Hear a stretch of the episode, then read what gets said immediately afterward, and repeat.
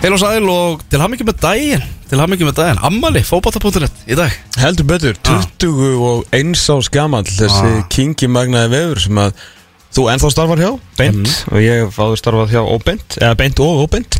Uh, og verið uh, heiður og, og forréttindi það tengist þessum vef í þessum í svona langan, langan tíma. Já, þetta er gaman Þetta Já, er gaman er, þetta er gaman sko. Já, og uh, Já, heldum upp á amalið eila með, með uh, Skúbi í gær með, með Gilva Gummi að fara á kostum? Já, heldur betur, uh, skúpa ásins Ah. uh, ég reyndi nú að mæta og ég reyndi nú ekki, ég mætti nú upp á fókbalti.net í gær með veglega gjöfhandunum. En hann er svo uh, lús yðin í vinnunum, hann neita að stoppa hlaðvarsuttökunum sem ég var í. Hérna, með þjálfara 19 landslýs hverna sem ég sá að byrtu síðan síðar í gær.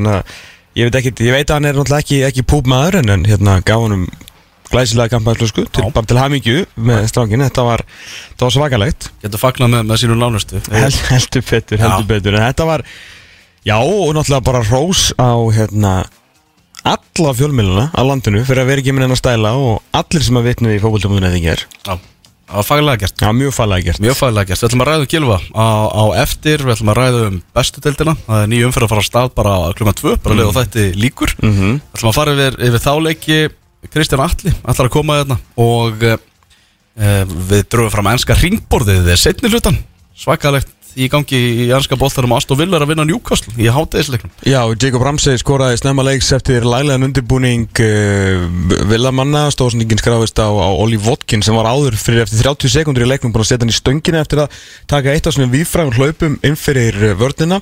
32 myndu tæpar á klukkunni og þetta er eins og uh, að horfa á Manchester City uh, sko Sheffield Wednesday. Aston Villa er svo hundrað sinnum betri og þeir eru uppnáður að algjörlega gegja þér Já, Sláin bjargaði Newcastle aðan Nú líka? Já. Já, ok, ég mista því. Þannig að þeir eru, þeir eru flottir En fyrirlutu þátturins fer í eh, íslenskan fótbolta. Já. Frá A til Ö. Mm Og mann. Hareide. Já. Frá, frá Óge til Ö.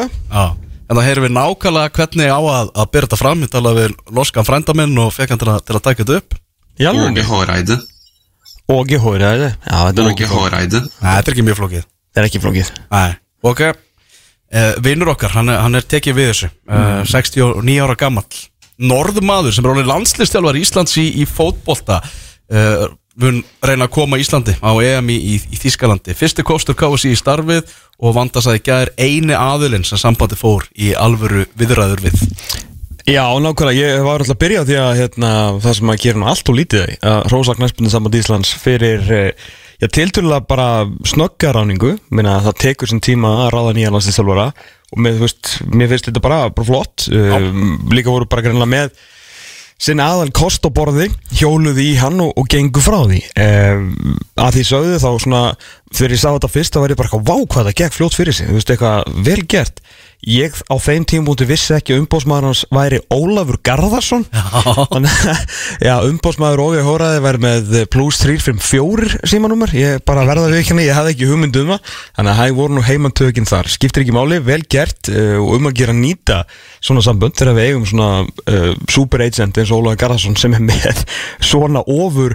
kuna eins og Óvi Hóraði og þá við þetta nýta það og, og til að bara gaman að fá hann. Ég hérna, held að þetta sé við allan með góða reynslu á Lars og þetta er svona svipaður svipuð, svipaður ferill þannig þó Lars verið enda verið miklu miklu meira í bara landslýsbransanum í, í heilsinni þá hefur hann auðvitað líka snert á, á félagsliðum og rúmlega það, mestari í þremur löndum en hefur einmitt alþjóðlega reynslu reynslu frá uh, landsleikjum og landsliðsumhverfi og gert vel þar, þá sérstaklega með, með Danina það náttúrulega er allir að, að missa vatnið yfir honum hérna pff, hvað heitir hann, uh, ferðarsari jarðar og manna hjá danska landsliðinu núna. Já, hérna, sem að er svona alveg ótrúlegur en uh, náttúrulega fór í, inn í það undanúslit er búið að vera, vera, vera smá brasa á honum, það er Kasper Hjúlmann Kasper Júlmann, já, sem að hérna mitt bara Danir halda að gangi á vatni glemir Það því ekki að-. Héldu, af því að Óraði náttúrulega kom þeim á EM allstaðar Hann far síðan léttustu leið allra tíma einhvern veginn inn á utan alltaf kemur þetta Kristján Eriksson dæmi upp á, á því stormóti en fær afskaplega létta leið inn í, í undanúslitin verður að segjast, en tökum ekkert af dörnum gerði vel þar. Uh, síðan frábæri í þjóðadeldinni frábæri undakefni HM og svo bara hlaupaðir á steipuvegg á heimsmeistaramótinu. Mm Kasper Hjólmann flottu þjálfari en, en Óge var búin að svona raun og reysa danska landslið aftur upp til vex og virðingar. Þannig að hann hefur gert mikið. Uh, Kási setti bara ákveðin viðmið fyrir þessa ráningu vildi fá uh, aðalega reynslu og alþjóðlega reynslu. Og mann sem hefur séð þetta allt saman gert þetta allt saman nokkru sinum og, það er Óge Hóraði Já, ég skal viðkjöna það svona fyrst þegar í umræðinu ég var ekkert eitthvað allt og spenntur en það er búið að koma mér um borð í, í, í vagnir líka bara, við erum búin að lesa þetta, heyra alla þessa sem eru búin að að spila undir hans stjórn hvernig þið tala um hann. Eh, eins og Holmar Örd talaði um í, í þungavittinni Mhm. að bara þetta er gauður sem að fær alla til að hlaupa og, og leggja líf og limi fyrir sig Já, sem er einmitt það sem við þurfum sem íslenska landsliði Já. Ég heiti Indriða Sigursson í, í gerkvöldi í færtu samanlega Baldurs Kristjáfssonar til hann ekki með daginn Baldur. Stórkostlu mm. veisla sem hann held á kegshóstel í gær hann með glæsilegan hatt, þú hefur verið stoltur af hann hann með geggjaðan hatt uh, sko Indi Sig, hann, hann tók flugvillina inn. Hann var svo ánægði með þetta. Já. og tók sko bara, já, óge, óge mættur. Þannig að hérna Það er með skoðanakonun á punktunum Þetta ánæði með ráningu KFC og, og horfaði og þetta eru Það er bara 90% sem segja já 89,12% Þannig að hann er bara með þjóðuna með sér bara frá, frá degi eitt Já, Það verðist eins og svona Íslandingum líði vel í, í faðmi reynslu mikill að Skandinavíu manna hvítæra svona góðra kalla. Já, sem að maður kom og taka þetta. Já ég hérna mann ég er svona kallað aðeins eftir eða svona var með nafni hans á blaði eh, 2020 og ég var svona einmitt að pæla bara er með að dreyma ég hef sett á þá en svo sá ég þess að hérna, grein sem að Gummi hefði gert þarna einhverjur tíu sem að koma til greina og þá var nafni hans efstar Já. minni svona þetta hefði verið eitthvað sem að við vorum að tala um en hann var alltaf ekki í umræðinni eins og búið að koma fram. Að hérna, og Gunni Bergson reyndi að ráða hann. Já, þannig að hérna, það gekk bara það. Þórðarsson myndist á hann 2018 sem, að, sem góða típu fyrir íslenska landsliðis Emmitt, emmitt, þannig að það eru margir uh, svona margir þungavita menn búin að, að benda á hann í, svolítinn tíma, þannig að eitthvað lítur hann uh, að kunna í þessu, þannig að bara mjög, mjög spennandi og það er svona engin en þá sko sagt eitthvað nei, mann þegar við reyðum Erik Hamren og, og stórvinnur okkar hérna Robert Lál, sænski blaðamæðurinn sagði okkur bara loka landamærunum. Já, hann var svo hérna smeguð að fá hann en Hamren stóð sér síðan bara feiki vel. Og bara mjög nálægt í að koma okkur á þar. Þannig að hérna þeir hafa, já svona gömlu viðkunnulegu að segja eldri viðkunnulegu skandinaðunir hafa hingað til gert fínasta mót fyrir okkur. Já Nú er bara spurningi hver verður uh, aðstofamár hans, hvernig verður, verður teimið? Verður Jói Kalli áfram? Sko, Það hugnast KSI að að hann verði áfram Já, aðstofamár KSI hefur ekkert efna að segja upp fleiri fleiri samningu, þau hefur ekki efna því að segja upp þessum samning sko, sem að Arna var á. Þetta var bara ákvörðin sem að, sem að þau tóku. Hólmar sagði myndi í þungavættinu hann hefði ekki gert þetta hjá Rosenborg, og ekki? Þegar hann kom þar inn, þá Já. kom hann bara inn og, Já, og hann, tók við þeirra teimi Þannig að hann verðist svona að því að hann verðist ekki eiga eitthvað svona eins og John Terry er núna skilur Dean Smith maður Já, og veist, Ashley Cole er, er Frank Lampard maður, svona þannig dæmi Mhm. að, hérna, og hemmi reyðast er Sol Campbell maður, skilur, veist, að hann verðist eftir því sem ég allan ekki lesi neitt eða heyrt um það að og eigi eitthvað svona kall sem hann tekur alltaf með Mhm. þannig að ég bara held að ég held að geti líka gert margt vitli svona að vera með Jóa Kalla sem að hefur hérna, svona orðspor hans á þessum fáinu mánum hans árið með landsliðinu hefur bara verið einu góðu sko. já ég er náttúrulega verið að lands, fylgja landsliðin eftir og mér líst feikilega vel bara á, á hvernig Jói Kalli hefur komið inn í þetta. Já, hann hefði náttúrulega átt að hérna, stoppa Arnar af í stóra Arnars veist, en, en annars hérna, Rífa á- í handbremsuna þar. Rífi hann bara svona þar þarf að vera sterkari hérna kannski hvað, hvað það varðar þó maður veit ekkit hvað allt hvað varðar gögn og, og svona verist hann vera alveg rosalega duglugur uh, eins og hann á nú kyn til sko. Já, það það vantar ekki uh, 17. júni mætu við Slovakíu og svo Portugal þremur dögum síðar í, í undakefninni og uh, eh, kemur til landsins núna bara eftir helgi ég held að það sé fjölmjöla viðburður á þriðjudaginn Ok, með honum þá mun að ræða við íslenska, íslenska fjölmjöla en það var smá kvót náttúrulega sem að KSI byrti í gær þar sem hann talaði um að hann vildi fá þjóðina með vildi fá bara aftur stemminguna bara man vel eftir stemmingu íslenska stöðnismanna á stórmótunum. Og hann sagði einfallega við ætlum bara að fara saman á EM í Þískalandi það er bara markmiðið. Já, það, það er náttúrulega eina markmiðið. Já, er það krafa? Já, ok. Mm. Tekur við þeim hérna búnir að tapa einum svona innbyrðisleik í, í baráttunum um það Sko, já, krafan er það. En, en hvort það sé svona Ég held að ekki eitthvað mikið undir hjá honum. Við komum semi-skrýðandi til hans uh, Gráðbyggjum hann um að taka við þessu liði þó hann sé Ég ætla að giska hans í allavega tvöfall launaherri heldur en Aldur Þó Viðarsson. Ég held að það sé bara mjög svona Já, ég held að það sé bara ágætt gestimett eins og heitir. Já, ég ætla bara að kvitt undir það. Ég var svona, ég Tvöfalt hærri launum en Arðar má búin að heyra svona eitthvað að hann væri að leitast eftir svona kannski 300.000 eurum á ári sem er eitthvað 45 miljonir sem er ekkit óeðlileg krafa fyrir manna á, á hans kaliber. Og ég held að það hefði verið með eitthvað svona svipa sem að, sem að á hvort að það hefði endað í kannski 200-250 og hann sé kannski með eitthvað finnst maður svona gískar að Arnar hafi verið svona um tvær og hann sem er svona fjórar. Þetta er bara svona eitthvað við mig hvort að sé síðan 2,2 og 4 ég held að sé bara akkurat tvöfald dýri heldur en Arnar. Já, ég spurði vöndu út í þetta og hún sagði að þetta væri bara algjör trúnaðamál Já, er það reyndar ekki þegar félagin sem borgar þetta ekki hún? Uh, hérna, Nei, En hún segir að þarna að þessu ánað með, með samningin og, Já, hún- og hún sagði- hún segir að hann hafi verið já, þess vegna held ég einmitt að ef allt verið eðlilegt og við værum, værum nýkomin að VM og ættum 1,5 miljard í kassanum að þá væri hann á hærri Já. en hann greinlega vill taka slægin og er að hérna, auglustlega taka tölvöld læri samning heldur en hann getur fengið til þess að taka slægin, að því hann langar að taka slægin og það er líka svona, segir manni að ef hann væri, ef hann væri á leiðinni eitthvað frí ef hann langaði bara að eyða svona viku og viku eitthvað stær í útlöndum með að stýra ykkurum æfingum, reyta og spila og hafa gaman þá myndi hann bara fara að þjálfa veist, í, í Katar eða eitthvað. Já, hérna hann að fara að taka minni pening við þú veist, verri aðstæður heldur en hann geti verið annar staðar með lið sem er semi í bullinu. Þannig að hann, það er auglust að hann langar að gera eitthvað. Já, og hann veit alveg hvað hann er að fara út í Hann er búin að þjálfa íslenska leikmenn. Já. Hann er búin að fara marg oft á lögadarsvöld Einmitt, einmitt. Þannig að hann veit alveg það er ekkert sem er að fara að koma um óvart. Það veit nákvæmlega hvað hann er að fara að gera. Já, þannig að hérna ég, mér finnst það alveg, alveg, alveg flott sko. En sko eins og segir, krafan, já, er auðvitað að komast á EM En við erum í, í auðvitað, við erum komin í eltingaleik strax. Við, við náttúrulega lið sem við er búist við að berjast við.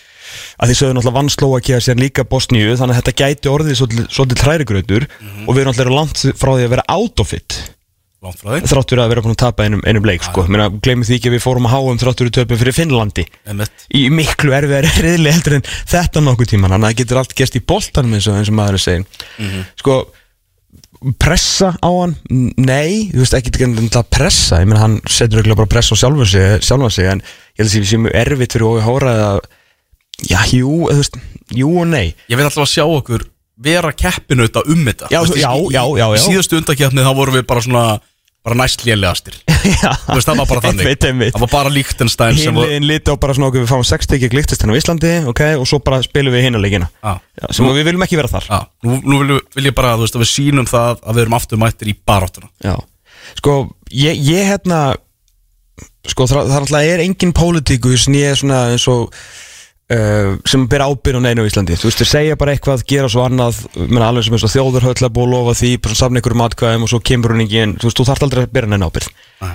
uh, ekkert frekar heldur en þú veist, á sérsamböndum í, í íþróttum. Og nú náttúrulega erum við fótboltaþáttur hann er við beinum spjóðum okkar að KSI að þú verðist ekki þurfa að bera neina ábyrð nema þegar þú sko gerir jafn rækilega heið og var með náttúrulega storminn stóra þegar Guðni og stjórnin fóru. En þau náttúrulega áttu ekkert betra skilið því að þau upplýsingaflæði þar og kjaftaði sem var í gangi og þegar þau skrifa undir þessu yfirlýsingu að þólendur megi bara þú veist ég það sem út í frýst þá er þau bara búin. Þú veist það er bara þannig. Þú veist þetta er bara þá er bara klúður en ég ætla ekki að fara þangað. Nú er ég bara að tala um þessa stjórn og hérna þessa landslýsnefnd það er sem ekki landslýsnefnd lengur. Það er bara eitthvað fótbolta þróunanemnd sem að ég var engin með svona en hann var þannig að leiða þetta. Ok, þá bökkum við aðeins í Arnald Þór Viðarsson og hérna þetta tröst sem hann hafi í 90 mínútur. Ok, eins og ég er búin að segja þetta nokkur sinnum að trösti gata ekki verið mikið ef að það endist bara í 90 mínútur. Nei. ok. Uh, þú þarf að ræða þetta einhvern veginn hérna, eftir uh, síðust undikefni hvað þú ætlar að gera og svo ætlar að setja saman fjármála áallun og þú þarf svolítið að pæla og þetta kannski kemur inn á það hversu mikla uh, þekkingu við erum búin að missa á sambandinu. Fólk sem hefur, hvað eru margir í sambandinu núna sem hafa verið að reka fótboltafélag fyrir utan borgkildi hver, fáir held ég. Mm. þetta er ekki sama þekkingin hún var skilur mig. Uh, þegar þú ert að reka fótboltafélag og bara fyrirtæki þá það að, að, að hugsa aðeins fram í tíman þannig að uh, sko, þú ert bara einhvern veginn svona ok, við, við treystum Arnari en auðvitað það segir sér alveg sjálft að trösti var ekki mikið. Nei ef að það endist bara í 90 mínútur. Við vorum vikum þeir setja bara í stóra prófið og, og vandægilega gera það með því að segja bara nú er uppbyggingunni lokið, Já. nú þurfa hann á árangri. Og Já. þessi bosníuleikur var greinlega miklu meiri meira próf heldur en við gerum okkur á Já, en fyrir. pældi hvað það er fjárhagslega mikið bull. Af því að ef En, en það sem gerast náttúrulega líka er að þegar það kemur þessi gluggi það sem er hægt að segja samningi Arnarsson Sviðarssonar upp, já, þá er bráðabyrrastjórn við stjórnvölin og hún vildi ekki taka þessa ákvörðun hún væri bara bráðabyrrastjórn já, það var önnu stjórn. Hvenar er þetta? Er það, þú veist, fyrir tveimur árum? tíma, tíma, tímasetningur Ok. þegar bráðabyrrastjórnin var. Þá, þá myndaðist gluggi að mínum að þið hefði bráðabyrrastjórnin átt að segja samningnum upp Mm. á þessum tíma bjóðunum nýjan samning með öðrum glugga já, við ætlum að setja þín störf í, hendund, og, og, í dóm nýra stjórnar sem að tekur við. Mhm. bara taktu þessu samningi eða ekki. Þa, það, það finnst mér að hefði átt að gera. Já, ég- ég því að hann var greinlega með stjórn með sér sem að treyst honum ekki. Nei, þannig að þú veist hvað, hvert verður, skilur þá fjárhagslegt tjónum en þetta er svona svolítið gaml. Ef að uh, nú þurfa að borga honum Ó, þú veist, í staðin fyrir bara að, höggva hnútin og búa til einhvern pakka, ég menn hann var vantilega ekki samningslaus þarna núna eftir síðustundu kemni það var bara gluggi. Já, já, þannig að þú veist, þú getið bara sló, loka, á, loka á það þar og bara fundi nýjan þjálfara sem er augljóslega miklu dýrari heldur en hann. Í staðin er farið inn í hennar glugga með all, þessan, þetta er 90 mínútur tröst og það er alveg, þú veist, að vita allir núna á bakvið tjöldin meðal hans hefur heyrst mikið, þú veist, að Ívar er búin að vera hérna, ég meina, hann alltaf segir ekki neitt þannig að það verður bara að, tala fyrir hann að hann hefur ekkit verið neitt aðdándi Mm. uh, og þú ert einhvern veginn ekki með fullt tröst og endan alltaf talaði um þessa samjölu ákvörðun stjórnar sem alltaf vita núna að var ekkit einhugur þú veist þetta fór eitthvað 7-3 skilju og þetta var, það vissi enginn alveg í hvort fótur að stíga. Og þetta svona þetta trúleysi en samt sko sumir sem hefðu trú og bara þú veist þetta svona þetta svona þessi hverjurbylu sem var í gangi innan stjórnarinnar varandi þetta gerir það að verkum að hann fer þetta verkefni fæði 90 mínútur, ég veit hann tekur svo hinleikin það var búið að hann var bara rekin í raun og ruti fakta eftir bosníuleikin uh, verður til þess að það þarf að borga honum hérna, uppsagnarpakkan og þá, þá er farið að ráða tvöfald dýrari þjálfara ráðningin frábær, ekki miskilum mig. Já, já. en þú, að bara ef að trösti var ekki meira áttu bara að gera þetta strax. Af því að þeir náttúrulega mæta á síðasta hérna, ásting með einhvern 100 miljónur konar hækkuna á skrifstofunni sem að var nú að reyna hérna, viðar og fleiri voru að reyna að fá svona útskýringar á. Já. og nú er, þú, þú ert búin að leggja fram fjármála áallin það sem að aðlandslið, þú veist alveg hvað þú ert að fara að spila við hverju þú ert að fara að spila cirka bótt hvað flugferði kosta, hvað verktakar kosta og hvað stig, ég rekna með okkur fáum kannski max 10 stig, það er sinnum, þú veist, 300 skall sinnum, hérna, 23 þú, þú getur alveg cirka þetta út, út á það gengur fjármála áallin, en það væri aldrei í fjármála áallinni, var nokkuð tíma gert ráð fyrir því að borga uppsagnar pakkað þjálfarans og ráða á Já, Já, við ætlum mögulega að reka þjálfaran á einmitt, þessu Þú ári ert aldrei að fara að gera það. Ég er að segja, en ef þú hefðir bara þú hefur bara ákveða að trösti var ekki meira Þarna, fyrir ármót Þá hefur bara geta þú veist, Þá hefur allt leiðið miklu betur fyrir Já. Þannig ef að En svo náttúrulega ef OG kemur okkur á EM Þá náttúrulega bara einhver 1,5 miljard í kassan Og tjing tjing og allir góðir Mm. En ef við fyrum ekki á EM Og við erum með 100 miljonar krona hérna, hækkun á skrifstofu og við erum með búin að hækka, hækka kostna við alansliðið upp úr öllu valdi út af þessu að því að þið gátt ekki bara tekið ákvörðuna fyrir hann tapaði einum fótballtarík Mhm. Er þá ekki en ábyrð hjá þessum stýra þessu? Já, það lítur að vera. Ég meina það, þeir eru, meina þeir sem stýra þessu eru settir í dóm félagana Já, ég er ekki að segja að þau er bara að segja af sér fattar Nei, nei, alls ekki. Nei, nei. En þú þarf samt að það hlýtur einhver En ég meina þetta eru- samtöka sem að þú mátt bjóðið fram á móti vöndu. Já, og það eru svona félagin í landinu sem ráða þessu og þau ráða hvort að vanda að vera áfram formaði já, og svo veit ég alveg að allt Þa, það, Þannig að þú veist, auðvitað þurfa þau að axla ábyrða þessu leiti ef að félagin eru brjáluði við þessu. Já, en þau verða náttúrulega bara brjálu skilur þar til að þau fara á ástingið og þá bara vilja vita hvenær barn er opinn og svo bara gerist ekki neitt. Eins og alltaf. Já, já, þannig. Þú veist, sem já En það er bara þannig, en hérna, já, það er dýrt að reka þjálfara. Algjörlega. Og það er líka, þú veist, dýrt að vera með þjálfara sem þú treystir ekki og telur að segja ekki á réttri leið með liðið. Mm og bara setja upp um hann bara út af rótirri kostur að, Nei, það átti ekki að gera. Ég er bara að tala um, þú veist Taktu bara ákvörðuna fyrir ef þú er ekki meira já, reka hann fyrr Já, menna þú veist, ef, að- ef að þetta endist í 90 myndur Já, nákvæmlega. Herðu hinnar En stór... það vann síðan hinleikin 7-0, sko Já, en það vinna öll landslið í heiminum þetta líktanstænslið. Já, ég veit Já, sem betur þeir voru Portugalatir búin að þreita þá vel þarna áður en við mættu þeim. Já, það er svo lissan, það er alltaf og er flottur, sko og er mættur og hann er flottur og það er allir, allir sammála um það, saman hvað þeim finnst um, um manni sem var í starfinu á undanunum. Sko. Já, já, já, já En já, og bara rósa að hafa landa, landa þessu stórlaxi, sko. Eins og, Já, eins og það er, ég held bara við værum ekki á þeim stað, við getum fengið svona mann í dag. Nei Ég held það. Herru, Kilvi Þór Sigursson, uh, laus allra mála, máli látið niður falla uh, með mjög svona bara einfaldri yfirlýsingu. Bara sönnunagögnin ekki nægilegt til að halda áfram með þetta mál þannig að þetta er bara búið hann er frjálsferða sinna og bara risastóla frétti, stærsta frétt dagsins og stærsta frétt ásins hinga til. Já, algjörlega, þetta var bara maður einhvern veginn bara titra og skjálf þegar maður var að frétta þetta hann um, um morgunin eh, bara því að maður þetta bara búið að vera svo lengi sko. maður einhvern veginn held að kæmi aldrei og svo bara komið þetta og þá var maður bara ekki, ekki tilbúin í þetta og maður bara fann svona það var bara ekki hjá öllum en miklu allan það sem ég var í gerð líka og svona mikil gleði í, í samfélaginu að hérna hann væri laus allra mála. Uh, og geti núna ferðast aftur og væri ekki lengur í farbanni eins og hann hefur verið núna í tapa 640 daga. Og svona já þú veist lífið heldur áfram en það verður aldrei samt. Nei, það er klart mál. Það er svolítið þannig sko. Hann er 30 og, og, og 30 ára. Uh, Hann er náttúrulega bara fótboltamaður fyrst og fremst. Búin að vera það bara frá því að hann byrjaði að labba nánast. Já, já, búin að vera, já, búin að vera í hann er bara hérna, verksmiðju framleitur Já, það er nánast þannig. Hann er bara og besti landsleismadur sem að Ísland hefur átt. Hm, bæjamæl Já, fór með okkur á EM, fór með okkur á, á HM og, og snýr hann aftur í boltan mörgum finnst þessi umræða ótímabær. Svona þurfum fyrst að sjá og, og vita hvernig, hvernig þetta er allt saman. Uh, hann var náttúrulega að vera orðan meðan þetta mál var í gangi við Galatasaray í Tyrklandi félög í, í Sáti Arabíu og, og, og eitthvað þannig. Þannig að fróðilegt að sjá hver hugur hans uh, gilvaverður svo las viðtal sem að Hötti tók á, á df.is við uh, umbósmann Gilva þar sem hann sagðist vonasti þess að hann fær aftur í fótboltan já, en gæti náttúrulega ekkert sagt til um það. Já, ég mista því. Hver er umbóðsmaður hans? um, einhver erlendur aðili, ég man, Ok, ekki, man ekki ok. hvað hann heitir það er ekki Óli Garðars. Hann er ekki með hann. Þannig að ég get flettið upp hvað hann heitir og vilt fá að vita það. Já, ég er svolítið fórhundur um það. Skil, Mark Haslam, nei, það er ekki lögmaðurinn hans. Já lögumæðurinn hans. Já, bara við talið sem var í morgun. Já, já, þetta er þetta ennski lögmaðurinn Já, það er ekki lögumæður Já, já. já ásakið Þannig að, já, en hann seg, segir það að hann vonist til þess að Gilvi spili fótbolta aftur.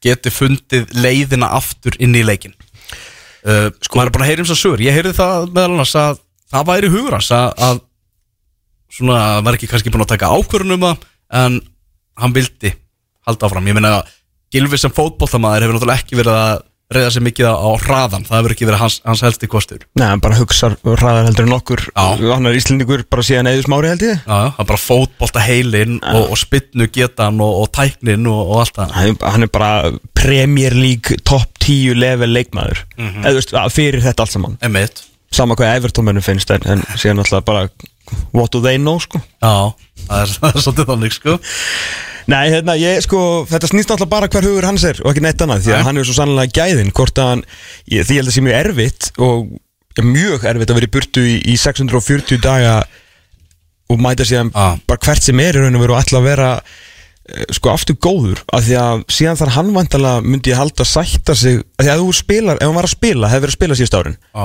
þá verður að rekna með því að hann, honum hefði kannski eitthvað aðeins rakað, bara eðlilega eins og þegar leikmennum, leikmenn eldast mm -hmm. Kilometrar er aðeins færri, sprettin er aðeins færri það er alltaf góður, skilur mig. En þú hefur ekki einu spilað í tvö ár kemur tilbaka og spila kannski þinn fyrsta leik að hann þarf vantilega líka svolítið að, að sætta sig við hvað hann er í dag. -hmm. og maður veit ekki þegar þú ert búin að spila á svona ævintýralegu leveli. Já, bara hvar, þú veist, ég get ekki svona, ég get ekki dott í hug hvar honum er núna og hvar hann gæti verið eftir fyrstu 90 mínúnar emitt það er nefnilega svolítið, svolítið áhugaverð eh, hérna Já, það væri náttúrulega svakalegt ef hann myndi fara aftur á stað og mæta aftur upp í íslenska landslið og eiga hann hérna, einhvern veginn hérna, sem á sig er mig, það væri, rosalegt ég heyrði hérna áhugaverð hluti í gær uh, sem við að eh, er algjört slúður og ég ætla ekki að selja það dýrar en ég kefti það Já, en við höfum gaman að, gaman að smá leigubílasögum Já, þetta er bara mjög væg leigubilistæða en hérna, það var sagt mér eða það var eitthvað ekki sagt mér, ég heyrði það ekki Já. Að uh, hann væri búinn að vera að æfa uh, fyrir luktum dyrum með sinu gamla félagi Redding og væri alveg möguleiki að hann myndi spila þar að þeir halda sér uppi í Championship. Já, ok. En þeir eru í brasi í fallseti og getur verið að lenda í fleiri svona tapastegum sko. Já, var eitthvað svona vanga veldur um það að, þú veist, nú er náttúrulega tímabilið að klárast út í, út í Evrópu. Mhm. hvort það geti svona, komið sér í gang hér á landi og alltaf sér að fara aftur út að þú veist farið út síðan næsta haust? Já, þar út að það er náttúrulega ekki spilaði fótbolti við sumatíman úti sko. Nei, nei, nei, nei. Ég held að myndi alltaf freka bara að fara eitthvað og taka prísísson með einhverju liði og reyna að gera þetta almennilega sko. Já, Ég er ekki svona viss sem ég vilja, myndi vilja sjá hann einhvern veginn á þarna kartiblu sem að FH er að fara að spila Þú veist, þetta er bara, hann er alltaf stór fyrir þetta dæmi, sko, sorry, ég veit að er eru þið svakalega fyrir bestildun að fá okkur að leiki með gilva hérna heima en ég er bara æðu maður að Rúna kom heim og hann var svo geggjaður eftir árun að koma og hann var bara uh, ekki, okkur þetta þessu? Já, þannig að ég er svona já þetta er svona, þú veist, er millibil skilja Já, já, ég veit það. Ég, En Nei. Sko, ef ég var hann Þá myndi ég reyna að koma mér í hérna Carolina liðið í uh, uh, MLS Ok, uh, Það er, spila á flottum velli Það er mikill metnaður, það er töff búningum.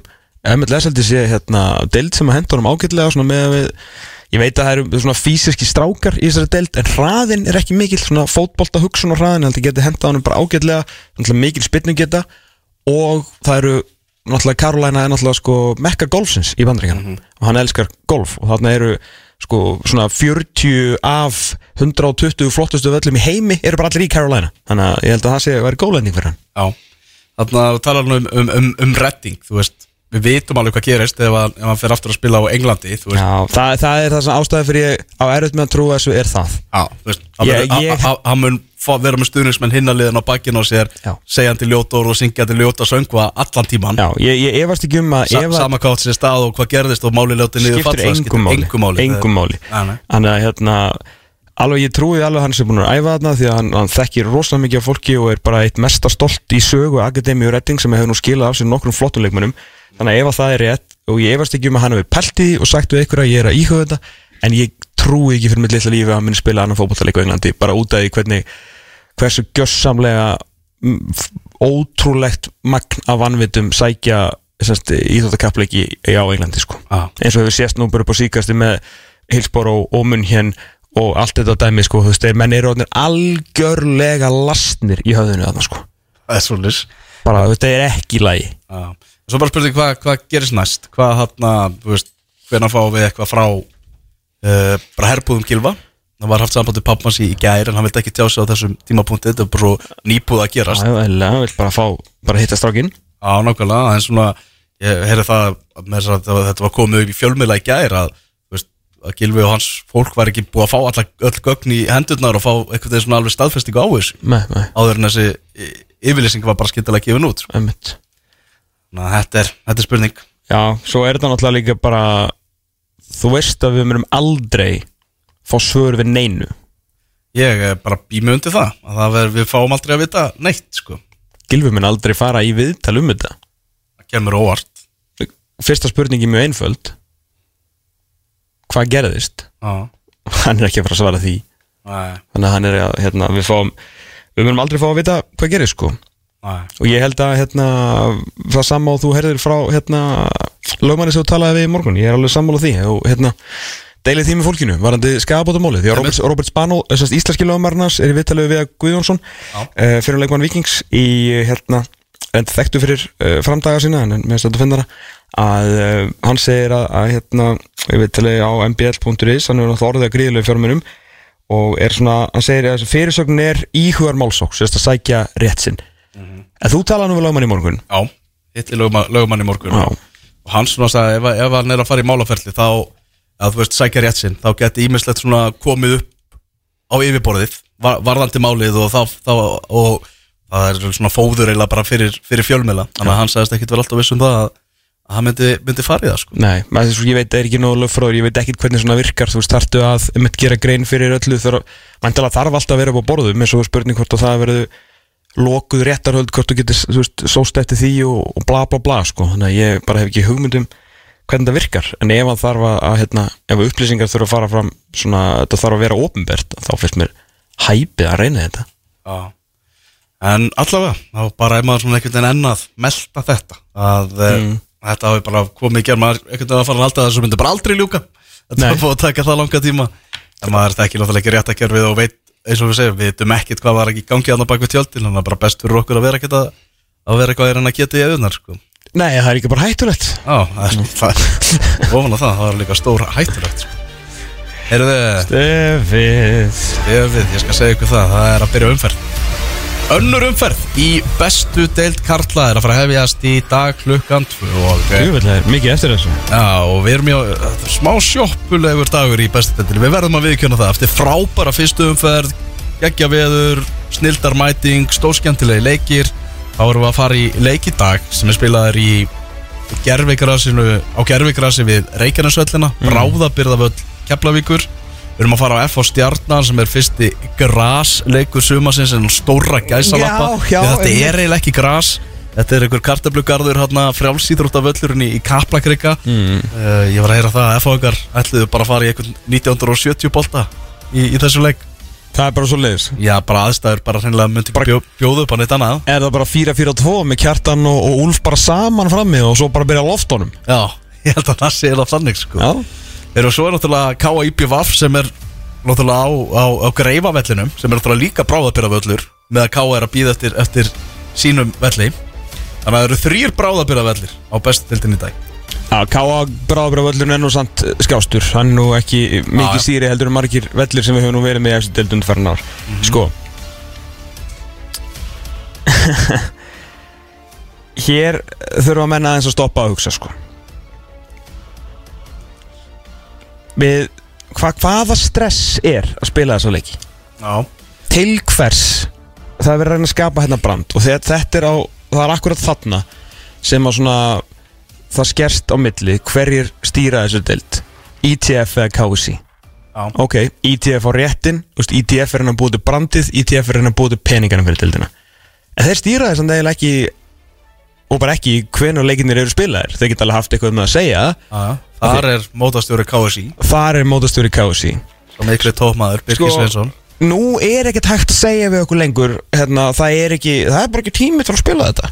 Herru, stráka minnir Mót eru sex mánuður Já. Sex mánuður Þess, ég, ég myndi skilja ef þetta væri við, þú veist, breyðablík eða vikingur sem ætti hlutamáli, sko. Það væri allt annað. Þessi en- er ekkert í Evrópu. F á stjarnan, hvort liði í Evrópa, okkur sem leik ekki bara fresta Nei, þú veist, einmitt, hvenar Ok, Premier League. Það var bara afskaplega indæl kona með, með hérna, kórunu sem að dó. Og það var bara allt frestað, það var bara öllu frestað. Einhver 15-20 leiki bara frestað. Já. það er lið með miklu stærri og sterkari rötteldur en liðin hér í, í sko bestu deildinu heima. Þau eru að spila í deildabikar byggar og sum hver í Európu alveg bara næstu í helmingunum deildinu er náttúrulega í Európu eftir að konferensdatatinn sko. Mm. Heru, það er bara fundnir dagar til þess að spila þessa leiki. Einmitt. undir hundrað sinnu meira álægi heldur en er í gangi í bestu deildinni. Þarna náttúrulega verður ekkur hjá ITF að stíga inn og segja bara herðu, þetta er ekki gott fyrir brandið. Það er önnur umferð, það var frábæla sótt fyrsta umferð, hún var fullkomlega hefnið Já. það var gott veður, það voru flotti leikir og endaði á sko fucking neglu þar sem að strákur úr, úr fjórðudeld skaut eh, svona lagði boltan í, humátt á markinu hjá breyðabliki og Anton Ari gæti ekki varið Já. þvílitt moment Já. og fegst allt gæst þetta dreymum herðu, talandi um að tóka okkur niður á jörðina Mhm. það er kartebluleikur og einhver bakhúsleikur Já. nei, bara stopp fresta þessu og spila bara þegar tími gefst Mhm. að þú veist alveg hvernig það verður þegar við förum inn í lok júli og ágúst og eitthvað og allt í hennu hugsaum við bara, af hverju er ekki búin að vera leikur núna í tvær vikur herru, þá spilum við bara á stjarnan við betri aðstæður Mhm. Einmitt. og það þýr ekkert F á stjarnan er núna alveg, þau eru brjáluð út í hvort annað sko. það er alveg, allir trilltir yfir þessu herru, það þýðir ekkert að vera pyrraður út í F á hinga F á hingum ber einungi skilda til þess að tryggja það að liði þeirra vinni fótboltaleikin Já. það er eina sem á að gera FH sem er graslið er ekki að fara á, að fara á vúrðföllin af hverju ættu það er að fara á gerfigrasvöll á móti gerfigrasliði liði sem eru mjög áþekka getu myndum að segja, það er allir með því svona í 6 og 7 eitthvað. Hverju ættu þeir að fara að gefa stjörnunni einhvern X-faktor í þessu að spila á sínu undirlagi? Einmitt. þá vilja þeir frekar einmitt spila á vondu grasi fyrst þeir þurfa að spila yfir höfuð. Þeim ber engin skilda til að auðvitað var alltaf betra að þeir myndu hugsa um brandið skilur en þeim ber fyrst og fremst skilda að gera þetta fyrir sjálfan sig. Alveg svo stjarnan þeir, vilja, veist, þeir eru gerfugraslið þeir vil ekki fara í, á kartablugarð verður svo þeir, á. me, þeir með alveg hvart yfir þessu líka það þýðir ekkert að vera veist, eitthvað Nei. pyrrast út í félögin með þetta þannig verður bara einhverju ITF eða, eða KSI að stíga inn og fresta þessum fótbollaleikjum Það er bara kostulegt að sjá myndir og myndbönd af þessum velli sko. Laka til, að- til að kíkja á hana eftir, ég er að, er að skrifa um hana leik. Ég ætla að hitta Thomas Mæjer hérna á endan Já. Það hendir smá einslæði á og Mæjer er náttúrulega að skoða þessu völlin veist, Og mér finnst þetta ekki einu svona fyndið. Nei. Þú veist, bara, við- það verður mætt þarna og það verður bara, þetta er bara gulu öllur og svo byrja leikurinn og það verður eitthvað, "Hörru, þetta er bara alveg svo árið sér 2002 og sæfa gísla. Þetta er ekkit fyndið, sko. Nei. Og hvað ætlið að gera ef ykkur meiðist? Já, Á þá að hlæja áfram bara eitthvað fram á haustu já. Ef við erum að byggja brand, þá frestu við svona leikjum Hérna, F-fangar með Hullum Hæ Friki Dór verður hérna eitthvað að taka lagið frá 14.30 og alltaf sem að gera einhverja, umgjörði í kringum þetta en þetta verður einhver, ég veit ekki hvað við erum að fara að horfa á í þessum leik sko. Langan fram. Langa fram, já. Ég get alltaf að lofa þér því eru bara að fara í tímavél. Það er eiginlega þannig. Ég vísi sett einu síðasta leik sem var spilaður þarna. Ég horfði bara á mörkin þegar að Sæfa Gísla og félaga voru að pakka F-áðingum saman. En það er alveg stu varnarleikur sem ég nokkuð tíma séðin en það er svona mál. Já Stími Lennon og Egert Gunnþór kom inn í hópin hjá F-fagri Já, Já, ok, gott fyrir það þannig að það er eitthvað, eitthvað, eitthvað menn að detta inn þar. Já, en ég, þetta er örugur einn ef að þú veist liðin er að fara í að, að sparka langt sko. Ég horfði á stjórnun að sparka nú langt síðasta mánudag. Það skilaði ekki miklu skal ég segja þér. Þetta var Já, F-fagingar að bjóða stjórnumönnum hann í krigan í eitthvað, eitthvað furðulegan fótballtaleik mm. F fór líka bara, ég horfði á þetta einslega með Valur Páli Gjær Já, bara F fór ekki búin að eyða bara tíma og mannabli og vel gert skilur að hérna bóra hann við sæti og gera þetta almennilega. Þeir þurft að gera það til þess að ég, veit, gæti farið fram á það leikurinn. En þetta, þú veist, why the fuck er verið aðeins Fresti þessu. Eyðið bara tímanum í eitthvað sem skiptir máli. Alveg óþólandi já. Það er bara þannig. F á vinnu þannig leikseiru já, með það sem ég sá frá stjórnunni fyrstum fyrir Jésús minn. Já, þeir voru er bara jætnir á þínum mönnum í vikingi þeir áttu ekki breyk, þetta var bara með samfærandi framistæðan hjá nokkur liði í, hérna, í fyrstu umferð. Þeir bara áttu ekki sjens nema, ég, það kom svona 15 minna kapli þar sem stjarnan af einhverjum stórförulegum ástæðum fekk þetta 44 hortspinnur í röð. Það var svona nettpyrrandi en annars var þetta bara kallar á móti krökkum og uppleg stjörnunar bara, ég, ég skil ekki í eina sekundu hvað var í gangi hérna byrjuði að því að hann að koma boltanum út á Ísangandara Mm. en gallin var að Davíður Nallarsson ákvaða að mæta í nýtt tífambil í beastmót setti Ísak Andra í vasan eftir svona 30 sekundur og sleft honum ekkert þetta er bara rétt að vona hann hefði tekið hann árnars buksunum fyrir þvott sko. nei hann er bara læst hann inni Einmitt. hann átti ekki séns Já, Herru, þá ætla ég að setja svona stórspurningamerki við það sem gerist á varamannabæknum hjá þjálfarateiminu e, ástúlega mörnum sem var reynd að stígi sundur en þeir sögðu bara nei. Bara þú mátt eiga þessa rós. Ok hvað Gústi gerist? Púst og Jökull. Þeir voru með Hilmar Átna Halldórsson. Já, í göngugrind þannig frammi er reyna að koma honum í gang. Ná, Alltaf þegar Hilmar Átni fekk boltan í lappinnar þá gerist eitthvað því hann er frábæri fótbolta. En það verður sent sagt að hann sé komin í eitthvað 100% stand. Ég er ekki gæðin frá startunum ég er bara gæðin að það sem að gerðist. Hann og Eggert Arn ekki svo stærst í straukursand þá fóru þeir bara að dundra fram bara í tíma og tíma og ég bara Oliver Ekroð og ég held að Halldórsmári þeir voru bara hver ekki, hvað er í gangi hérna?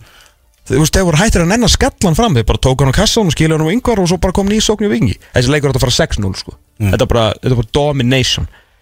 Herru, þetta var orðið þannig síðast svona 12, 13, 14 minnar ég held ég alveg að Arnari Gullarsson hefði leiðist því allt í einu hætti vikingur að dominera eins og minn maður segir og bakkaði bara með lið og teig og bara helt 15 minútna varnaræfingu.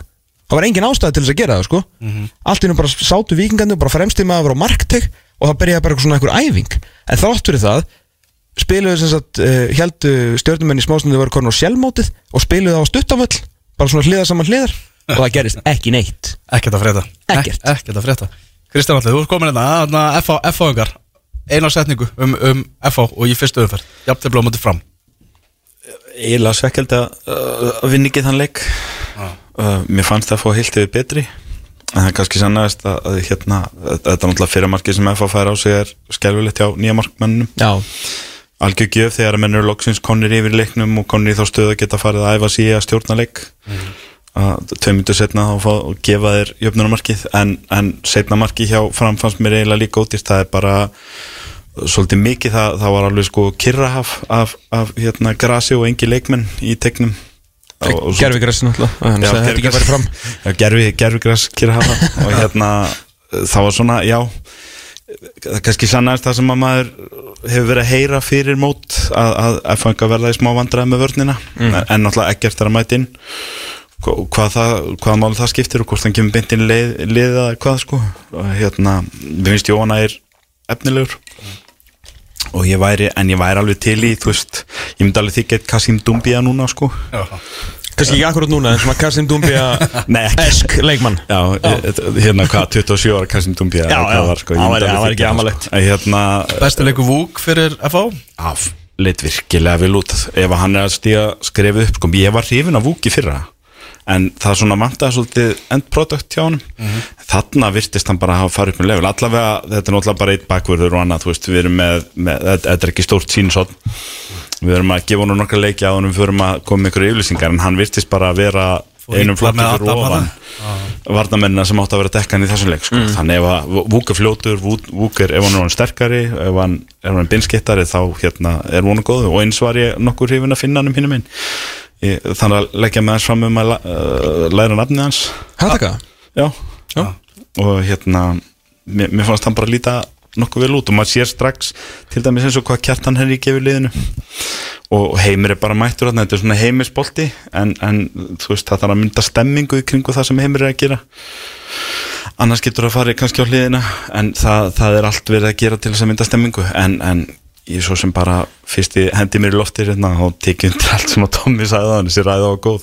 Við eigum ekkert að vera að spila hann að leiki kerið fram í þessum vellíkja er í heimahugunum í Hafnaveri ég myndi ekki fara með dóttur mín að nút að ka- sparka bolta á milli í fimm myndu sko. Nei, ég, þeir eiga ekki að vera að reyma sér taka sko. Og eins og þú segir það er, að- það er eftir að segja að því að stjarnan sé ekki á gergrasi og eitthvað svona þá, þá sé þetta kannski leikur sem FH eigi að vinna eða eitthvað svoleiðis, en þetta er líka bara gras sem býður upp á mistök Algjörlega. varnar mistök og annað, boltinn skoppar í óvæntar áttir og Einmitt. allan anskutan sko.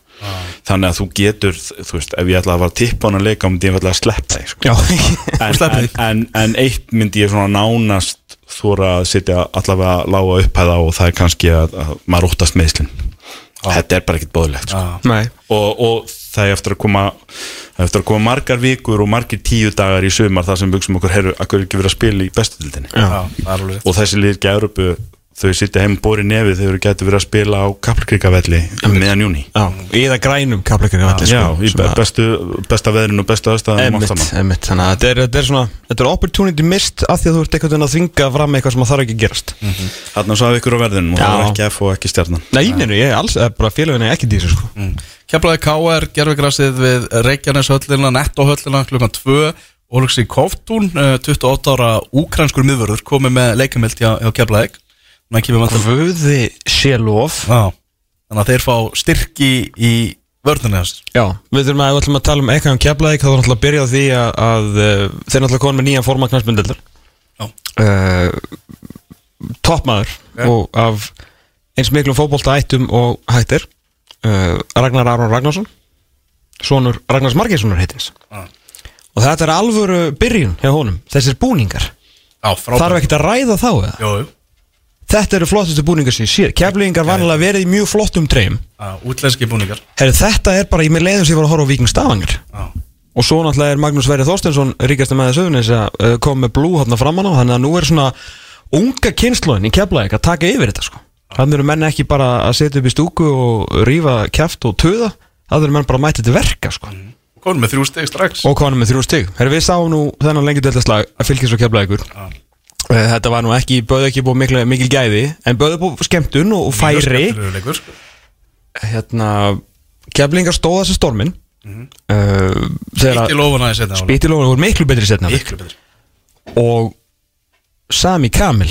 Já, það er gerðugarsleikmaður ég veit ekki alveg hvort hann er að fara að gera þetta allt saman á grassi en sá er góður. Já, og Dagur Ingi Valsson var náttúrulega borderline leikmaður umferðarnar hann var frábær. Frábær Eru þið leikur, keflagur Káar, leikur sem Káar verður að vinna bara til að stimpla sig inn í þetta mót af alvöru? Já, uh, hérna var ekki hrifin að þessi tilhjóðin til markuslu hjá normannum í, í jöfnumarkinu hjá, hjá Þorra. Þetta var mjög ósamfærandi og hérna uh, já, mjög, mjög, er hann talandi um markmann þá verður að hrósa hérna að því var að tala um stjórnun á hann og var allt í volaði hefum að eina sem var í lægi actually var Átur Snær. Já. hann var frábær, hann varði allt sem á marki komin ef maður þetta tvent sem hann gæti áskaplega lítið gert í, hann var algjörlega frábær og heldum bara bjargaði hann frá raun og veru niðurlæðingu uh, hérna, en að því sögðu, markmannin Káari hérna, hann er eflug séð boltan sent og þetta var skrítið skot en ég þól ekki þegar markmann fara bara nýr á hnýjan og eru bara búin að ákveða boltin færi í hóðnið það er bara, það er ekkert sem fer meiri töðunar á mér. Þannig að, hérna, en þetta er alveg rétt, já, þetta er það er hrikalega mikilvægt fyrir það að, að bara vinna hennar leik og þú veist að vera með fjögustig en ekki tvö af sex. Einhvern veginn, þú veist, það er búið að vera spáð um þriða sæti og menn kannski konum með einhverjar smá svona bjarsinis, bjarsinis vendingar en svo horfum maður líka á tölvfræðina úr káaleiknum og því sá nú ekki mikið á honum ef eitthvað. Og hérna, nei, ég sá nú bara glimsur og svo hælætin og hérna, tölvfræðilega voru bara káringar bara að, að dominera leikin Hatti einhvern veginn bara leiðið, veit ég hvort að þeir leiðið þeim að vera um boltan í- að því ég sá hann ekki eða hvort að þeir bara tóku leikin til sín. Þá bara, veist, miklu fyrir sendingar og miklu meira með boltan og þú veist, á útivelli ekki að ká, mér varst það svona frekar impressiv, þó að úslitin hef ekki fallið með þeim. Og skoruður náttúrulega ekki úr opnum leik. Það káaringar tekið sigur þarna. Uh, Káa, Ég er ekkert svo viss. Ég held að Káa IPVF uh, þessi leið vikslu á heimaleikjum og, og Káa farði í annan heimaleik. Mm -hmm. Uh, Gís mitt vantalega fjárverandi áfram hjá, hjá IPVF Það er svo leiðis sem búist við honum í þriðju umferð en býðum að sjá Ok, uh, eiga með enn, náttúrulega mikla væntingar sem að þeir sköpuðu sér sjálfur bara með framistöðun og undirbúnstíðabilinu sprungu svo eiginlega bara svona í þessum leika mó- móti val. Já. Já, þeir áttu nú ekki, ekki mikið eftir að menna valsmenni voru áttu miklu meira eftir í, í setni hálfleiknum. Af því sögðu hefði getað alltaf verið að verja miklu starra er rétt. Svolítið svona eins og fylgismenn hefðu getað verið með hérna búin að klára leikin í fyrirháleik þá hefði IBF sumulegis alveg getað gert það og valsmenn kannski ekki svona haft ástæði til þess að mæta einhvern veginn frískir með baráttu hérna anda í brjósti inn í setniháleikin sem þeir óstíðan gerðu og, og ég er mikið búin að pæla þessu marki á mínu menni hérna AP sko. Adam Æ, ég held þetta sé óverðandi. Já, stökkin inn Já, bara þú veist að þetta er löngu færi og þetta var svona virkaði, þú veist sko, fótabururinn hjá markmannu var ekki upp á tíu. En það var eitthvað við þetta skot og hvernig boltinn flökti. Ég held að þetta hefði verið gott mark. Já. Skilju, ég held að hann hafi ekki átt að, ekki átt að verja þetta fattur að það eru, menn eru ósammála um þetta. Já. Einn ekki að tveir. Að káa í bjöf Já. ég veist, gun to my head er þetta alltaf 0-0x sko. Eru þið vikingur fylgir í vikinni? Ég, það kæmi öllum á Íslandu óvart ef þetta er eitthvað annað en örugu vikingsigur með hvernig fyrsta umfyrir fór. Já Þetta, ætti að vera bara svona einhvern veginn svipa 2-3-0 og Ég hef alltaf eðlilegt, ég meina allir í vikingsliðinu eru betri en allir í fylgisliðinu. Já. uh, eru með betri þjálfara og bara eru miklu betra lið. Þannig að en, þetta er fótbolti til að lifandi slöku getur allt gerst. Vonandi ekki fyrir mig En, hérna, en það er mjög veist, ég, Það er ekki hægt að segja neitt annað En þetta á að vera örgu sigur. Þú hefur verið hrættari við fótballtaleg heldur, heldur að þennan Já, Já. Ég hef verið það en, en það tengist ekkert að sko fylgismenn gerðu margt ágætt þarna í, í, í þessum leiki keflaðik en setni hálfleikur þeirra var rosalega ósamfærandi og og hérna ég er ekki hrifin af að varnarleiknu þeirra. Og hann alltaf meittist hver á sem meittist hann í fyrirháleik þetta gera skiptingu Ragnar hann fekk hérna höfuhögg Birkir. Já Birkir Eithors Já. Þannig að maður veit ekki hvort að hann sé með og þannig að ég er svona já, ég, þetta, það kemur óvart þetta væri eitthvað annað en, en Urugu Sjöfings Já. Þeir voru, þeir voru mætili impressive á móti stjórnunni 1915 ára kvöld í kórnum Hákáingar sem er náttúrulega lið fyrstu umferðar. Heldur betur. Þeir eru að fara að taka á móti frömmurum. Mm. í áhugaveru leik náttúrulega margir sem að sko, eru svona vöktu aðtikli og mörg nýnöfn sem að fótbolta áhuga menn fenga, fenga kynlast þarna hjá Háká í, í fyrstu umferð á móti blikum. Jú, jú.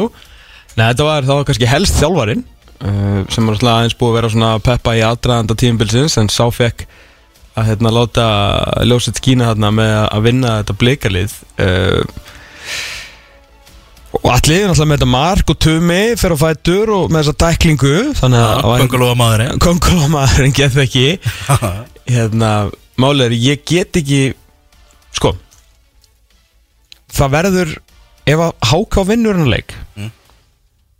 Ég ætla ekki að segja að það verði jafn impressive hjá Ómari að vinna þennan leik og að vinna blika í fyrstu umfyrinni því að það náttúrulega var svona kannski svolítið það var ekkert enda eitthvað þjálfara masterclass náttúrulega kannski þjálfara masterclass hvernig þeir komu inn í leikin svo er þetta einhvern veginn lendu þrjú tvö undir og þú veist ég segi nú bara svo góð maður hver leikur á sitt líf? Og svo einhvern veginn Eithóf Völler heldur í smá stund að hann sé Maradona og allar að reykja boltan frá miðju bara teklaður og gleymuði ekki að sigur skotið var léttasta skotið í leiknum sko. Já og gleymuð því ekki, Já, já, þetta var bara og- happening. Og náttúrulega ef að Anton Ari hefði gert það sem hann átti að gera og bara gripið hennan bolta þá hefði þetta verið, náttúrulega verið Ég bara með þessu glórulus ákvörðin hjá honum að að- að taka skoti ég, ég veit það. Þannig að þetta- þetta- það sem ég er að segja Þetta er bara svona happening. Þetta var rosalega skemmtilegt. Að því sögðu Ef hann rýfur þetta lið núna Niður á jörðina Og vinnur Í 60 leik Allar með spár tímbilsins Þetta framlið Það mun segja mér Jafnvel aðeins meira um Ómar sem þjálfara Heldur en þetta sem gerist í fyrstu umferð. Já, nákvæmlega, nákvæmlega. Það er stórleikurinn, Balur Breiðabrygg Rosalegur, rosalegur leikur á Origo vellinum. Og talandi um húlum hæ, það verður En framari Bastli, Jannik Pól sem hafa nú búið að lofa er besti leikmaður Nei. fram að minnstakosti, Já. ekki tímabilsins að gríðarlega spennað, hann er bara átt þetta er hjúts, þeir eru nú ekki hérna með heilu herdildina af leikmönnum hérna í, í úrlósandanum þetta er risa stórt högg fyrir framara. Þetta er bara maðurinn sem átti að vera kongurinn hjá þeim einhvern veginn á, á tíðabilinu Já, svona prinsinn á eftir, koma, átt að vera svona saman. Komið náttúrulega alltaf kongurinn Já, hann er alltaf kongurinn, Já. átt að vera prinsinn. Já. Já, þetta er svakalegt. Við tölum við um það eh, í aðdraðanda mótsins að bara allir stuðnismenn fram voru ekkert eðlilega spenntir fyrir honum á, á þessu tímabili. Já, það var hérna fokki manni hver sagði það, hvort það verið Albert í bestu mörkunum eða eitthvað? Ég bara, shit ég maður ekki. Að hérna Góðu maður. góða maður að það hefði verið svona huggun harmi gegn að hann hefði meðist bara upp á taktíkbreytinguna. Að þeir voru svo yfirmannar á miðunni Ah. að, að þú veist kannski er mögulegt, mögulega verður þú veist að hann neyðist kannski til að fara í fjóru og þrjá að vera með fleira á miðunni þeir voru, þú veist, að fóngarnir voru bara með þá í, í hérna headlock. Þannig að þetta kannski svona breytir eitthvað taktíkinu og gerir framarnaðist þéttari en uh, engi, aldrei gott að Mikill missir sko. Já, en þú veist, hann hefði ekki upplifað það að breytum taktík þá hann kannski ættan gumma á Jannik, þú veist, skilur til skiptana ah. en kannski var það ekki gott að vera með og samanlega fram ég, ég veit ekki, mér finnst það bara ágætið spælinga þegar þeir voru, átti ekki séns að meðinu voru bara tveira með henni, Já. en þetta er náttúrulega hræðild að missa þinn, hvað var að segja, næst besta leikmanna Já, ef við, hlutum að segja gummi sér besti leikmann fram, hann á það að þá segjum við næst besta Þetta er svona maður sem allir voru að spá því að það er bara bestileik maður fram í Já, einmitt Erum við förum í, í val breyðableik, stórleikin og við varum að tala um húlumhæ í kreikana, við varum að tala um húlumhæ líka fyrir, fyrir þennan leik og uh, svaka dagskrá, pubquiz og panel og alls konar Ég var bara, ég var bara þreyttur á að lesa þetta. Stemmingi í fjósinu. Rósaleg stemning maður. Þannig að bara um að gera að eiga góðan sunnudag og kíkja á stemmingun í fjósinu áður en þið farið sér á val breyðableik byrja bara upp á háti, pubquiz eins og segir, það eru panelumræður og ég veit ekki hvað og hvað. Þannig að hérna, uh, okkar menn í vængjum þöndum mæta þetta með, með pubquizið og svo eru okkar panelumræður og svo þessi stórleikur sem er nú ekkit eðlilega áhafur í ljósi síðustu tíðenda Já, þess maður er bara orðin spenntur fyrir því að klukkan verður 18.15 og bara leikmannahópur breyðabliks verður opinberaður. Bara hvaða breytingar eru að fara að sjá á, á blika liðinu, hvaða breytingar eru að fara að sjá á leikmannahópnum, eru jafnvel kannski einhverju leikmann sem að fara úr því að vera í byrjunaliðinu yfir það að vera ekki í hóp í þessum leik Getur það gæst? Já, algjörlega, af hverju ekki þá eru, þú veist, það eru rándýri leikmenn hérna sem að her, ég var bara að uppgöta það áðan Já, var Alex Freyr Elísson ekki hóp nei, hann var ekki hóp kostaði hann ekki 8 miljónir krónar eitthvað Já, og við meina miklu kosta til líka með Oliver Stefánsson, hann var ekki heldur í hóp Þegar hann er með, hvað, 700-800 krónar á mánuði? Já. Ekki í hóp? Já, Clement Olsen, sóttur hérna markaðasti leikmaður færisku deldarna frá upphafi, færisku landslismæður ekki í hóp. Bæn. Úff. Já, þetta var, það var nettur Hérna, ég heyrði Hjörfa tala um að Óskar hefur verið klættur eins og Pep. Hann að spáði mikið í þjálfara tískunni En það geði líka eiginlega eins og Pep og átkotsaði sjálfan sig Alltaf eitthvað að senda Stefáni greinleikur skilabóð koma honum á jörðuna, láta hann ekki byrja. Stefán mætti inn, skoraði með fyrstu snertingu. Mm Eithor Völer hann alltaf gefur þetta mark og þetta var svona Ágúst Lind sem að maður bjósti að er eitthvað svona skotplayer hjá þeim. Bara eða ekki hóp. Í byrjunaliðinu bara Já. í, í fyrsta leik. Átti, veist, og átti sjokker ah. Þannig að hérna, þetta var Já, það er stundum sem að hérna, þessi bestu, þeir eru svo góður að þeir meira þess að sko, fella sjálfan sig Þetta var hérna já, ég, menna, ertu ekki spenntu bara? Ég er ógeðslega- Kikið síman 85 18.15, þá er ég, fú ég, sko, ég er, ég þátturinn að mér er búinn 18.30 og ég mun lappa út úr stúdíónu og meðan ég er að hreinsa það með meikið að þá fer ég síma bara beint að sjá hverju ég ætla ekki að líta á byrjunulegi, sko. Ég ætla, ég ætla að reynda bara að senda þér skilabóð hverjir er ekki hóp. Það er langa áhugaverðist við þetta, sko. Já, Stefán, Stefán kemur inn. Já Stefán kemur inn, hann náttúrulega breytti miklu eftir að hann- kom inn á bekknum Og kom, kom upplurinn, þannig að hann er alltaf að fara að byrja. Það er eitt vitt við að Stefáni gera að fara að byrja hann leik. Já, I don't know much En þetta veit ég. Já, Elva Freyr náttúrulega að fara að mæta sínu fyrrum félagi. Mm -hmm. Flottur í, í fyrstu umferðinni. Raukt í setna áleik uh, Ég, hvorugt held ég. Ok. Það er, það er gýra á, á Elvari sko. Á, Frábær í meistarakefninu og frábær í fyrstu umferð og ég held að verði frábær í þessum leik líka Svona, veist það vera svona 2000 manns á þessu leik einhvern veginn under the lights. Ég, ég ætla að vona að Elvar svona temmi í skapið og verði skilur nýta þetta til góðra verka. En það geta alveg ímislegt gerst í þessu sko. Já. Herru, þá var nú ekki að heyra Hólmari í þungavættinu, hann er með. Nei, það var svona einhvern veginn hann voru, í að því að hann var ekki klár í þannig leik. Já, að nefn hann sé svona geggjaður að, hérna, að plata menn Það virkaði eins og þetta væri nú kemur nú bara frá hjartanu að hann væri afskaplega óleiklegur í hennar leik. Já, var náttúrulega ekki með í, í fyrstu umferðinu og verður vantilega ekki með núna heldur Nei, það er skað fyrir skildi í svona leik sko Já, það, það er bara þannig En þetta er, Hvað er að hérna tóna? Þetta Já. var ekki, ég meina hann, hann gaf tvö mörg já og þetta er ekkit fyrstu mörkinu á árunu sem hann er, hann er að gefa það var einhvers sem sagði við mig uh, Við vorum að ræða eitthvað tóna á undirbúinistímabilinu og var hann að gera eitthvað mistök og ég Já, sagði já. bara, Þetta er bara undirbúinistímabili Þá fær hann eitthvað þegar svona Svo er svona aðeins stempla niður svona, þú veist Það sem hann á að vera að gera og er búin að vera að gera á undirbúinistímabilinu mm. En ha, ég hugsaði bara að hann minn að skila sínu þegar út í mótið er komið. Af því svo er náttúrulega bara eitt leikur Þú veist, shit happens og menn Nei, E- þetta er ekki eitt leikur þú- Nei, ég er að tala um það bara að- eitt leikur búinn í alvörunni, skilur du Já, sko Fólk getur haft allar þar skoðanir á því sem á undirbúinistímbili það vill. Hvort það hafi gaman eða horfa á leikina, tala um og hlusta á Skilju hvort það skiptir máli. Að það má ekki gleyma því að leikir á undirbúinistímbilinu Þeir fara fram. Já, þeir fara fram, það er rétt. Og það er ekki eins og hann sé Þráttur að sé sett í auðlýsingunni að hann er að fara upp kantinu og gefa fyrir Þá er Antonar Einarsson eins og allir aðri markverðir Með mjög einfald á dagskipun og það er að verja fótboltaskotin Sérstaklega sem koma að benda því Já, Og ok. hann er búin að vera að gefa Alveg nokkuð Ég man ekki alveg hvernig, sko, hvernig undirbúinistímabili var í fyrra Fyrir Mm. Já. Mér minna að hafa verið líka svona. Það? Já, hann Þannig að nú er hann að taka þetta með sér inn í mótið. Já, Þetta var, eh, sko, það, það sem gleymist í ofurmarki alla Er að fyrsta marki líka gefin, sko. Það Hann líka þannig, sko. Þannig að þetta var ekki eitthvað happening í ár. Já. Þetta, Við erum búin að vera að sjá þetta. Þess Og vegna hann er náttúrulega að fara sem gamla heimavöll Bara að pressa hann rosalega á honum fyrir þennan leik. Algjörlega. Já, Eða þú veist, ég meina, hann var svo langt besti markmaður síðast tímbils bara það var ekki svona fyndið. Þannig að þetta var svona, já. Já. Og vorum að fara vel á tónun heldur betur. En svona er allavega umferðin er að byrja klukkan 2 eins og áður segir uh, spil, uh, þríleikir í dag, þríleikir á, á morgun.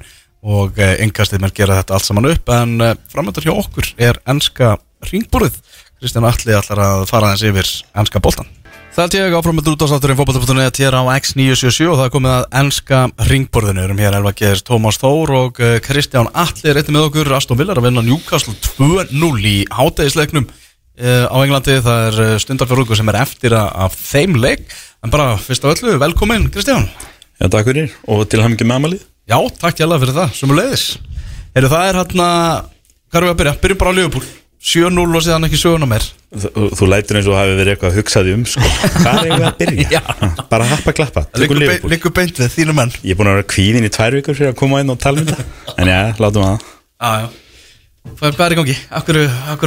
er gengur svona illa? um, Ég las grein í vikunni Eftir Melissa Reddy hjá Sky Sports Það sem hún spurði Er einfallega hún kærasta manni eða ekki? og þau eru, hún er, hún er alveg í handakriganum þar sko. En hérna, hún spurði einfallega hvernig gáttu svona the smartest guys in the room sopna svona verðinum? Það er bara það sem gerist. Menn sopna á verðinum. Ég held að því að maður er náttúrulega búin að hugsa mikið um þetta það er, Fóru ekki þess margt í skjörst Eða það ekki aðalatriðið það? ha, jú það er náttúrulega eru búin að vera leikmannabrettingar á bæku tjöldin, Michael Edwards hætti og, og sá sem átt að taka við honum er svo að hætta núna í vor og, og alls konar svona. Og í millitíðinni virðist klopp, sko það var talað um það fyrir árið þegar Michael Edwards var að hætta að klopp væri þá kannski svona að fá aðeins meiri völd og ábyrð í þessari svona þessari transfer nefnd eða hvað sem vil kalla það hann bæku tjöldin. Og og það rýmar alveg við það sem gerðist. Það er að segja að þessi stefna hefur verið og hefur virkað vel í þessar uppbyggingu hjá Klopp að við erum ekki að kaupa bara til að kaupa. Við erum ekki bara að fylla hér upp í gött á hópnum, við býðum eftir réttamanninu, við býðum eftir Alisson, við býðum eftir Van Dijk, við býðum eftir Nabi Keita, við býðum eftir Mo Salah. Flestir af þessum gaurum Nabi Keita er kannski undantekningin hafa alveg svolítið svín virka það hefur verið alveg hár rétt að býða en svo detta þeir í þennan gýr að vilja býða eftir rétta miðjumannum og hann gengur ekki, tjúamenni fyrir sumar og þá vilja býða í ári viðbútt eftir Bellingham. Og á sama tíma þá eru þrýr fjóri leikmenn sem eru bara að keira sig út og yfir hæðina og meðslavandræði og laustir samningar og allt saman þannig að nú erum við komnir í þá stöðu að jafnvel þó svo að menn hefðu náði Jude Bellingham í sumar þá var það aldrei að fara að laga út vandamál því að það þarf að kaupa fjóra menn hann á miðina og það þarf að kaupa bakvörð fyrir Trent Alexander Arnold allavega til að veita hún samkeppni og alls konar svona sko, það þarf að kaupa miðvörð og Þe- Þetta ástæða vera því að, að Leopold bara hætta eila við núna að blanda sér í barðunum við Jude Bellingham. Þeir geta ekki sett öll ekkin í, í sömu körfu. Já, e, ef við höfum að trúa því við getum náttúrulega að lesa ímis, ímislegt í þá stöðu en, en sko það, það sem við vitum um Klopp er að hann er afskaplega leikmannahollur. Hann er, er hollur leikmannum sinni, ég lesi sögur að þegar hann barðist jafnvel fyrir því að leifa Núri Sahin að fara frá Dortmund að því að Sahin vildi fara og þá vildi hann bara leifa honum að fara og ég ætla ekki að standa í vegi fyrir því að þú fáur að fara til Real Madrid. Hann er afskaplega leikmann og hollur ef það kæmi leikmaður til hans hvort sem hann heiti Mo Salah eða eitthvað annað og segði hann ég vil bara fá að fara í sumar þá myndi hann bara leifa því að gerast. Það að Klopp bara alls, stóð alls ekki eitthvað í vegi fyrir því að hann fengi að fara síðasta sumar þegar hann vildi það. Og á sama tíma að þá vill hann heldur ekki og, og ef það er kannski eitthvað svona galli á því sem Klopp gerir að þá er það kannski það að hann situr aðeins svo lengi á liðinu að því hann vill ekki kasta mönnum út í buskan þetta eru náttúrulega persónuleg sambund og það er þannig sem hann næri sem árangri. Hann nær svo svakalega vel til leikmannina en þetta getur mynda blindanblett og ég heldur síðan bara að horfa á að þarna hafi bara þessi blindi blettur ágerst. Þú veist, það, eru, það eru þrjú ár síðan Leopold vann titilinn núna í sumar. Adam Lallana fór það sumar. Gini Van Aldum fór árið eftir ef maður rétt. Og þá var hérna þetta sumar sem Lallana fór var uh, Thiago sóttur í staðinn þá 28 eða 9 ára. Og svo fór Gini Van Aldum og enginn kom og það átt að býða eftir réttamanninum hann átt að koma árið setna og hann átt að heita Aurelien Tjómeni mm. en hann velur real fram við Leopold síðasta sumar og þá á að býða að við getum tekið annað árið viðbútt Milner framleiki samningin, það var ekki víst síðasta sumar en það gerist í kjölfarið á Tjómeni málinu, hann tekur eitt árið viðbútt við vitum að við um ára eftir að Nabi Keita og Alex Oxlade-Chamberlain sem að var fyrir mér galin ákvörðin þeir voru báður konur á meðslalistan fyrir fyrsta leik í dildinni Ömmit og, og þú veist, þar situr uppi með það að Leopold sem spilaði flestar mínútur allra liða og, og, og kefti alveg fram á síðustu fimm mínúturnar í öllum keppnum í fyrra voru með yfir 30 Jordan Henderson og Thiago voru með Nabi Keita og Oxlade Chamberlain á meðslalistanum og Fabinho og Detti 30 allir þessi menn voru búin að vera tveiraðum alveg símeitir hinn er búin að keira svona í jörðina og svo James Milner. Og því fór sem fór og þetta náttúrulega, já, það er enginn séð fyrir að þetta er svona slæmt. Liðið eru með að deilt og bara uh, ekkert víst að það nái sko í Európusæti yfir höfuð. Og, og löngu dóttu úr öllum keppnum og þetta er einhvern veginn alveg andvana frá uppaði til enda þrátt fyrir svona góðar framistöðurinn á milli hér og þar. Um, en, en hérna en vandamáli voru til staðar og það var við að gaggrinda síðasta sumar. Vi, við vísum bara í þennan fræga blaman að fund sent í ágúst bara rétt fyrir lók gluggans það sem á klopp sess bara niður og segir þið höfðu rétt fyrir ykkur. Við verðum að redda miðmanni það er að því að hann var búin að vera að svara þessum spurningu síðan um miðan júli eftir að það var ljóst að tjóminni var að fara til Real og hann var hann alltaf spurðu hvað kemur í staðin, hvað er að gerast, er eitthvað að frétta? Og þú veist, nú verður orðað þennan leik með hann sagði, nei, nei, ég ánægð með mína menn. Og svo í loka ágúst þá mætar hann allt í hann og og segir þið höfðu rétt fyrir ykkur, við verðum að redda manni. Og það fari í neyðarlán og Artur Melo frá Juventus. Það en nú aftur, hann var búin að vera mislapjessi Já. og gengi illa hjá Juventus þannig að hann, það var langt í frá ykkur bjargvættur að mæta inn og hann, ég er ekkit vissum hann hefði endilega breytt miklu ef hann hefði getað spila alla leikið fyrir okkur í vetur. En svona alltaf bara fór sem fór og sá maður er búin að spila 15 mínútur fyrir Og- og Jörgur Klopp er búin að vera mjög hreinskilinn. Hann, meina, hann talar um það þess að sagði það sjálfur ég væri bara ekki í þessu starfi nema út af bara fyrri afrekum algjörlega annars væri bara búið að láta, láta mig fara. Algjörlega, og við getum sko mér vantar svolítið útfærslu á umræðinu að því að menn tala um klopp og, og þú veist eins og Jamie Carragher og fleiri taka undir það, þú veist að, að hann er ekki neittni hættu. Á þessum tíðanbúndi þá er Jörgen Klopp ekki neittni hættu. Það er frekar þó svo það sé líka ólíklega það væri líklega að hann myndi ganga frá starfinu í sumar ef hann er óanaði með eitthvað bakvið tjöldin eitthvað sem við vitum En fer hann ekki inn í næsta hann. en spurningin er hann er, og, og þetta er eitt af því sem við elskum við Klopp, hann er bara svo hreinskilin hann situr bara og segir ef það væri ekki fyrir það að ég hef unni allt með þessu félagi síðustu 5-6 árin, þá væri ég ekki í starfi. Ef, að, ef að þetta væri nýr þjálfari sem hefur tekið við liðin í haust og væri á þessum stað núna, þá væri búið að reka hann. Þetta tímabil, þú fengir ekki annað tímabil eftir svona tímabil þetta er bara Roy Hodgson tímabil, skilur og, og hérna, og það er það bara. Já.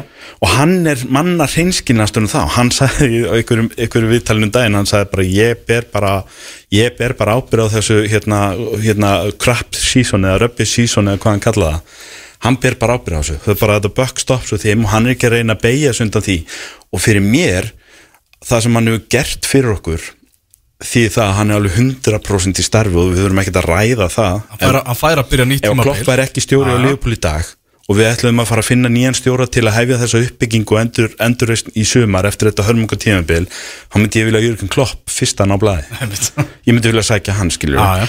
en ef hann er á þessum stað eftir ár Hann getur ekki verið á þessu stað nei, hann getur ekki leikt sér það. Nei. og ég held að hann skilji það alveg líka sko, það, þú getur verið vinsæll og dáður og allt það en á einhverjum tímapunkti verður þetta batna og hann fær þetta sumar, það er alveg ljóst að hann verður bakkaður á, á leikmannamarkanum í sumar.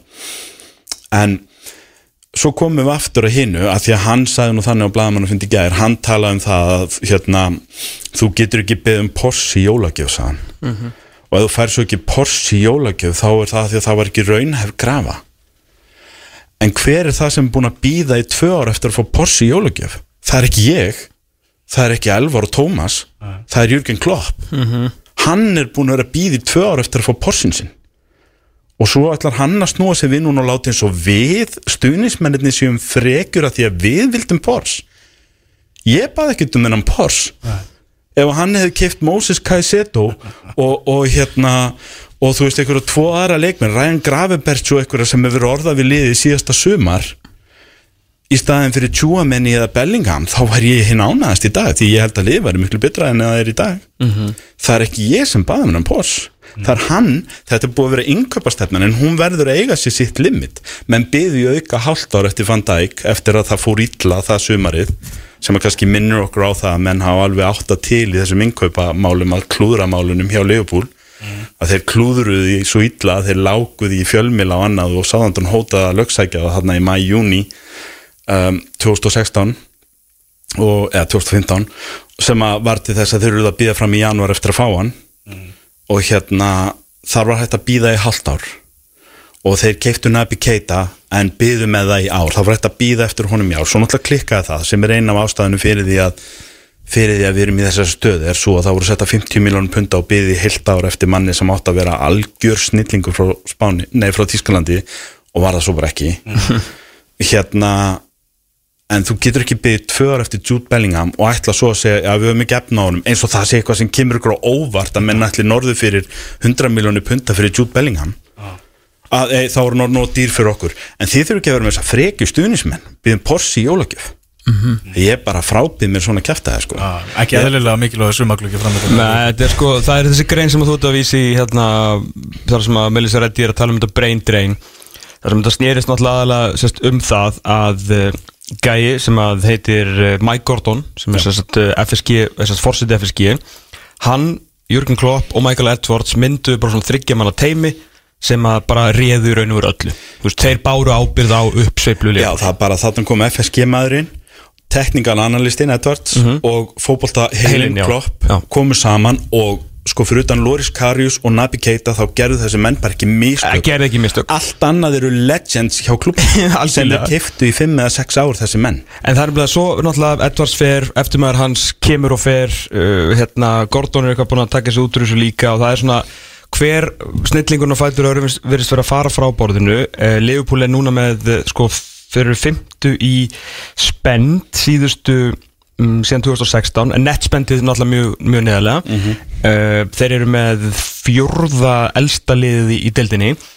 Sko, ég held að við munum aldrei fá neina skýringa fyrir að Jörgen Klopp skrifa bókina eftir tíu ár skilur þú veist hvað actually, hann er, alveg, hann er pirraður sko hann Það er, sést. það sést. Við, hann, hann er er stutt í pyrringin hjá honum almennt. Já. og maður er svona, maður er fann að þekkja það vel að maður sér að hann er að sitja á sér og blaða maður að finna núna. já. og eins og ég segi, ég er að skjóta hérna á móti sko, svara, hann um fullum hálsi fyrir það að vera eitthvað ætla að leggja þetta á stuðnismenn eins og við séum með órunhæfur kröfur.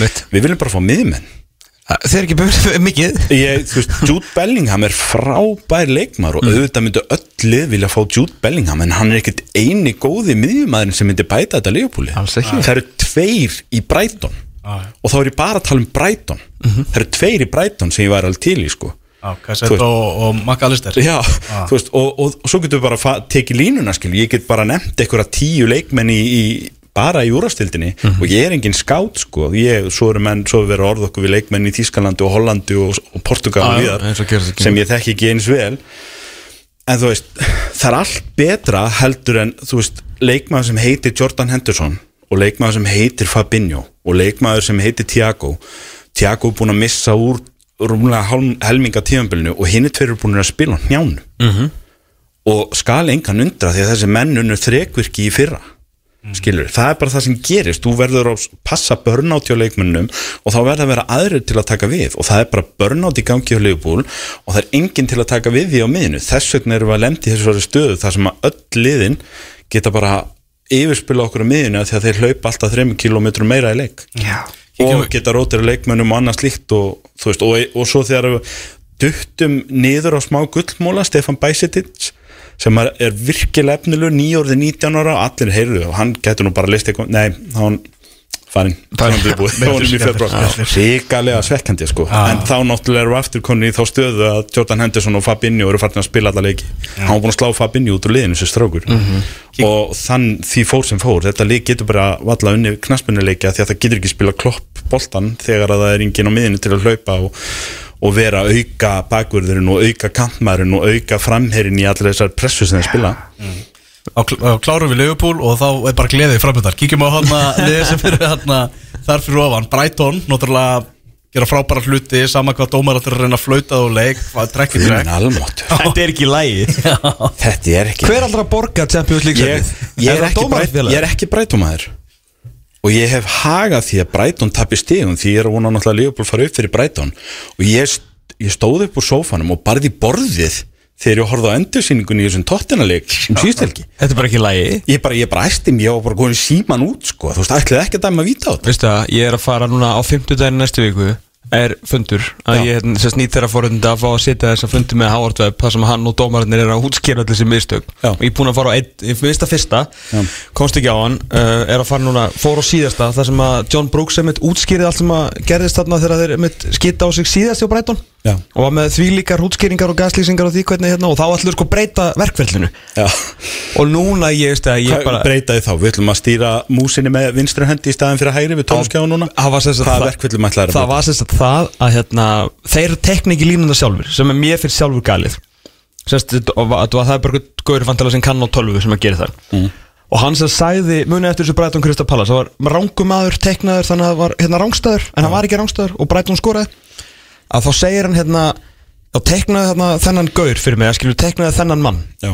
og gaurinn fyrir rángamann þannig að nú ætlar að segja teknaðu Scott Dunn númer fjögur mér langar rosalega ré- íta tímsaðna rétt upp hönd í mótsið Já. og segja hefði það ekki bara verið mjög sniðut að byrja með þann verk fyrir það Er það sem sagt eitthvað sem er búið að breytast í vetur sem er búið að orsaka það að við erum búin að sjá nokkru sinnum sérstaklega eftir áramót að rangum aður er teknaður rangstæður Já, þú veist, núna er að reyna að breyta þeir, því. og þeir eru að klikka og svo koma afsökunarbeinir þann eftir ég er enda að sá góðan punkt einhvern tíðan í vikunni að ég man ekki hvar þannig ég get ekki gefið kredit en eitthvað starf á netinu sá ég.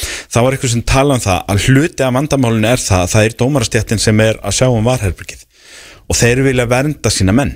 Þeir vilja ekki tróða um tær dómarunum sem er inn á vellinu því að það, þeir eru sömu stjætt, þeir vinna saman uh, gæti verið að það þurfi að þjálfa þarna upp bara einhverja sérfræðingastjætt sem eru bara knaspinu kunnáttu menn og fólk sem að getur séð um varherbyggið en hefur ekki, engin tengsl við dómarastjættina og, og hefur þar að leiðandi er ekkert eitthvað hrætt við að segja að vinur minn Tómas, hann var að dæma markina, ég get ekki farið að taka það á hann. Þú veist að það sé eitthvað svona bak við eirun á þessum mönnum því að maður, við erum að sjá aftur og aftur að þeir staðfesta og þeir venda sitt og eðlilega, þetta er starfstétt. Er þetta um allan heimgrein Já, Ég get, og, en, en svo þegar þetta er alveg skelfilegt þá kemur ykkur afsökunarbein. Og eins og þið sögðu hérna í þættunum í síðustu helgi, þeir varst með, var ekki Gilvi og Bjarni hjá þeir Já, hvað, hvað gefur afsökunarbeini mörg stig? Já. hver ætlar að greiða Brighton það sem þeir missa af þeir ná ekki Evropasætti voru út af þessu. Emmitt þeir eru ekkert að komast yfir hann, þeir voru betra allan já, og, og það er tekin að í rauninni víti, mögulega annar víti og tvö, hérna tvö mörg og Það verðist veginn annað vera er bara að einhvern veginn að nýðast á brætt Þeir hef, þeir hefðu minga hérna mun á milli sín og, og hérna Tottenham í þrjú stig og voru þá komnir í alvöru Champions League mixer. Já. United er að missa núna tvo risaleikmenn bara útvantilega út tímabilið. Já. skilur, þeir hefðu verið í alvöru Champions League mixer, Já. öruglega endaði Evropadil, skilur, núna getur við kannski endaði konferens, það sem ég hlakka mest til á þessu fundi á fimmtudaginn, ég veit ekki hvort Langa fundi. Nóg að fara yfir. Áttum, við mögum ekki gleyma því að Michael Salisbury sem var í varherbygginu í þessum leik hann sendi Stuart Atwell ekki í skjáin þegar mér tóma fekk vítið. Já, hvað er það? Salisbury bara horfði á þetta á 20 sinum bara, ta- Það er aftur að fá vitið hvað hugsa? Bara hann trafkar á tánunum uh, Stuart no mate uh, he only stamps on his toe it's like a blatant penalty but I don't think you have to watch it so just Hann move on. hefur að fá sér te eða eitthvað. Nei, menn, hvað var hann að segja? Þetta er ótrúlegt. Ég hlakka til að Og, og af hverju sá maður settur aftur við skjáin? Segiði mér það Af hverju sá maður settur eitthvað tíman aftur við? Herðu. Þegar við erum öll heim í stofu horfa sömu endursýningarnar og ég er hann þreyttur og ég er að sopna Já. að ég er búin að sjá hann trafka hún svo oft ég er búin að þetta er víti, Víti. þetta var líka víti þegar ég horfði á þetta fyrir 13 skiptum síðan ok, og, Og nú er ég að horfa á þetta í 19. sinn frá enninu svona, þetta er ennþá víti þetta er bara víti og svo loks, þetta tekur þrján mínútur eða eitthvað, svo allt í henni bara ekki víti og hann fyrir ekki einu svona skjá Nei, nei. þannig að það er ekki einu svona við dómaran inn á vellinum að sagast En þú verður það átt af því að þú varst að segja skilu þeir venda sína einn Þú veist náttúrulega svo náttúrulega toppuður sig á sunnudaginn Þegar að uh, nýji kongurinn í aðstofar dómarastettinni Konstantin Hatzidakis ákvað að gefa Andy Robertson olbóskot eða tilraun til þess. Þeir rannsökuðu málið alveg góðar 6-7 mínútur og komu síðan bara þeirri niðurstöða það var bara ekki dísu Já, Nei, nei. Áfram gakk Áfrangak Áfram gakk. Halda, halda sína menn. Eru þið mestaratildar baráttan og það er Aston Villa er að vinna Newcastle 3-0 leikur Olli með- Watkins með 2 11 mörg í síðustu 12 Evrópu Emery er mættur Mættur. til starfa, það er bara En þannig máli, hann vill ekki fara þú veist, Hann vil ekki ná nei, hann ætlar að vinna byggar á næsta ári sko. Ja, Þannig að það er beint í Evrópudildina með þetta Ákvæðlega Heyri, er ekkert Stiðjum eðlilega við ekki öll að Aston Villa taki sjötta sætið og bara sjötta sætið? Ekki sjönda, ekki fymta, sjötta. Sjötta. Við viljum fá það í sjötta sætið, við viljum fá það í Evrópudildina Beint inn í reyðilina, takk Já, ef að Aston Villa Þetta vill lifir í vinna- undan úrslitum eftir ár í Evrópudildinni Aston Villa er með mestaradeldabyggar í skapnum Það er bara eitthvað við, það er bæði Emery sem hefur náttúrulega unni mestadildina, neðurbudildina oftar en nokkur held ég annar Já, og, og með Sevilla, með Villarreal og annars líkt og sjáu svo eins og Sevilla í vikunni? Ég var nú að tala á United félagi í gær sko, og annan sem að ringdi í mig í sjokki á, á fimmtaskvöldi ég, ég hef bara ekki séð United spila svona flotta nörbuleik lengi og það enda samt 2-2 og mi, báði miðverðinu mittir Já. Ég, ég sá, bara, ég sá fyrirháleikir þetta er bara Sevilla í Európu það er bara, það er bara eitthvað vútu í gangi hana þeir tap ekki Já. það er alveg sama hvað við erum miklu betri að heima allt saman. Oli, Oli, Oli, oi, oi, oi Tvö mörk í þessum leik í 3-0 sigri Gríðarlega samfænandi sigri Aston Villa. Tvö heitustu liðin í deildinni og eftir uh, Arsenal uh, og City eða bara tvö af heitar liðunum Aston Villa náttúrulega næst besta lið uh, síðan að Emery mætti 11 mörk í síðustu 12 leiki með Oli Watkins. Hann er 20, hann er eldri en fólk heldur en 95 mótel uh, 28 ára 30. desember. Er uh, hann að fara í eitthvað stórt eða er hann bara að fara að vera legend þarna, fær nóg borgað? Það, það er margt vittlega svona kropp í þennan strák.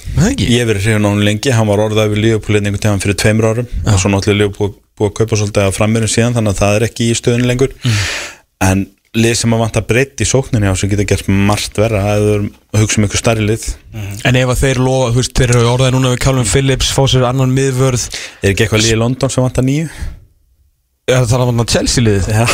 Þeir getur gert margt visslega að ná í Oli Watkins. Ivan Tóni og Oli Watkins eru þarna. Ég er bara að segja, sko, þú þarft ekki að leita uh, sækja vatni yfir lækin Nei, mitt Veitu hvað er Tony áttu gammal? Hann er svipa gammal bara. Hann er 96, já, hann er yngri, pælið því. Hann er- en hann er náttúrulega á leiðin í einhverja pásu er það ekki, við erum alltaf að býða eftir að hún hefist Já, En eins og, eins og komst inn á Tom, Lísandro Martínez ekki meira með á tímabilinu hjá Manchester United, þetta er Rafael Varane verður Gamli frá- góði metartarsallin, ekki er bekkambeinið Já, svo var hann frá næstu vikurnar þannig að þetta er bara gamla góða Harry Maguire og Viktor Lindelöf sem er miðvara par Manchester United næstu Já, vikur. Eða Luxjó Já, það er ef getur er þarna. leikvær hann hefur Er eitthvað finnar á Instagram Reels En þarna eitthvað moment með Harry Maguire Þannig er að dettum boltan og kemur þarna Harry Maguire! Ég hlæði alltaf. Hver er þín tilfinning Kristján fyrir mestrardeldabarátunum? Við erum með Newcastle og Manchester United í mestrardeldasætunum núna. Tottenham er hann rétt fyrir aftan og líka Aston Villa. Þeir eru mættir finnst mér finnst að Tottenham eigi ekki að vera í þessum sens að því að þegar ég horfið sviðu svona í haustum á mér þá finnst mér bara United heilt yfir hafa verið það góðir í vetur og Newcastle líka að þetta eru bara liðin sem eiga að vera topp fjórir. En það er eitthvað í gangi hérna. Og núna náttúrulega er Newcastle að tapa 3-0 fyrir Villa.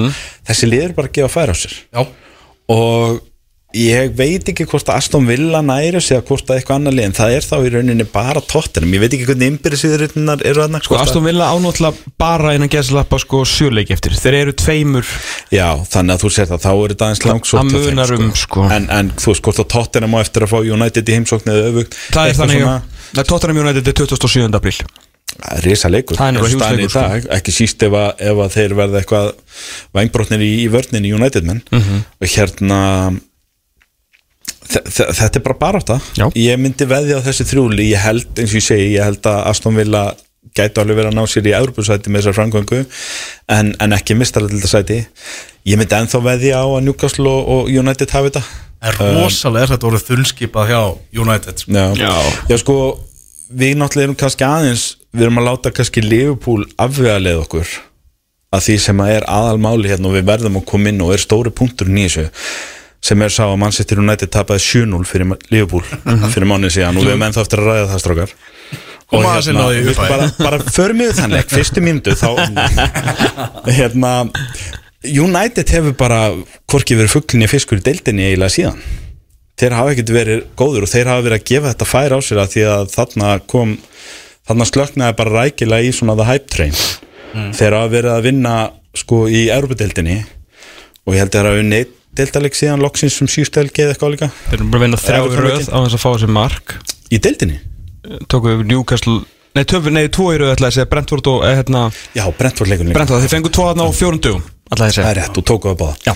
en það var, þú veist, í fyrsta sinni mánu eftir hennar leifbúleik Já, uh, hérna, já töfli ekki Sound og tap gegn Newcastle. Já, en sko aðalmáli er að Liverpool vann United 7-0 og við skulum halda því til Hvernig fór hann, sagði 7-0 Sjönúli Æ, Ég var hérna, þarna, sko. Já, þú varst þarna. Ég hérna, hefði betur sendt Liverpool mann út en ég. Manst það næst? Ringir í kallinn. Ég læti veita hérna, En nei. ég segi, bara, bara ef að United er að klára þetta meistaralt þetta sæti, svona miða við skakkafulli sem er að lenda í núna meðslunum, bara meðsli í vörninni þetta er líka náttúrulega Markus Þeir eru að fá Eriksen tilbaka, Sjó er að skrifa tilbaka Þetta er náttúrulega slæmt að missa bæði Varan og, og Martínez. Já, og Rashford. Og, og, hérna, og missa Rashford. Og Garnaccio líka sem var svona bara, var alltaf eitthvað að skapa þegar hann kom inn á bekk Þetta verður smá brekka fyrir þá. Já. Þetta er ekki sjálfgefið. Ég myndi eiginlega á þessum tíðanbúndi Ég veit ekki, nú setur maður allt í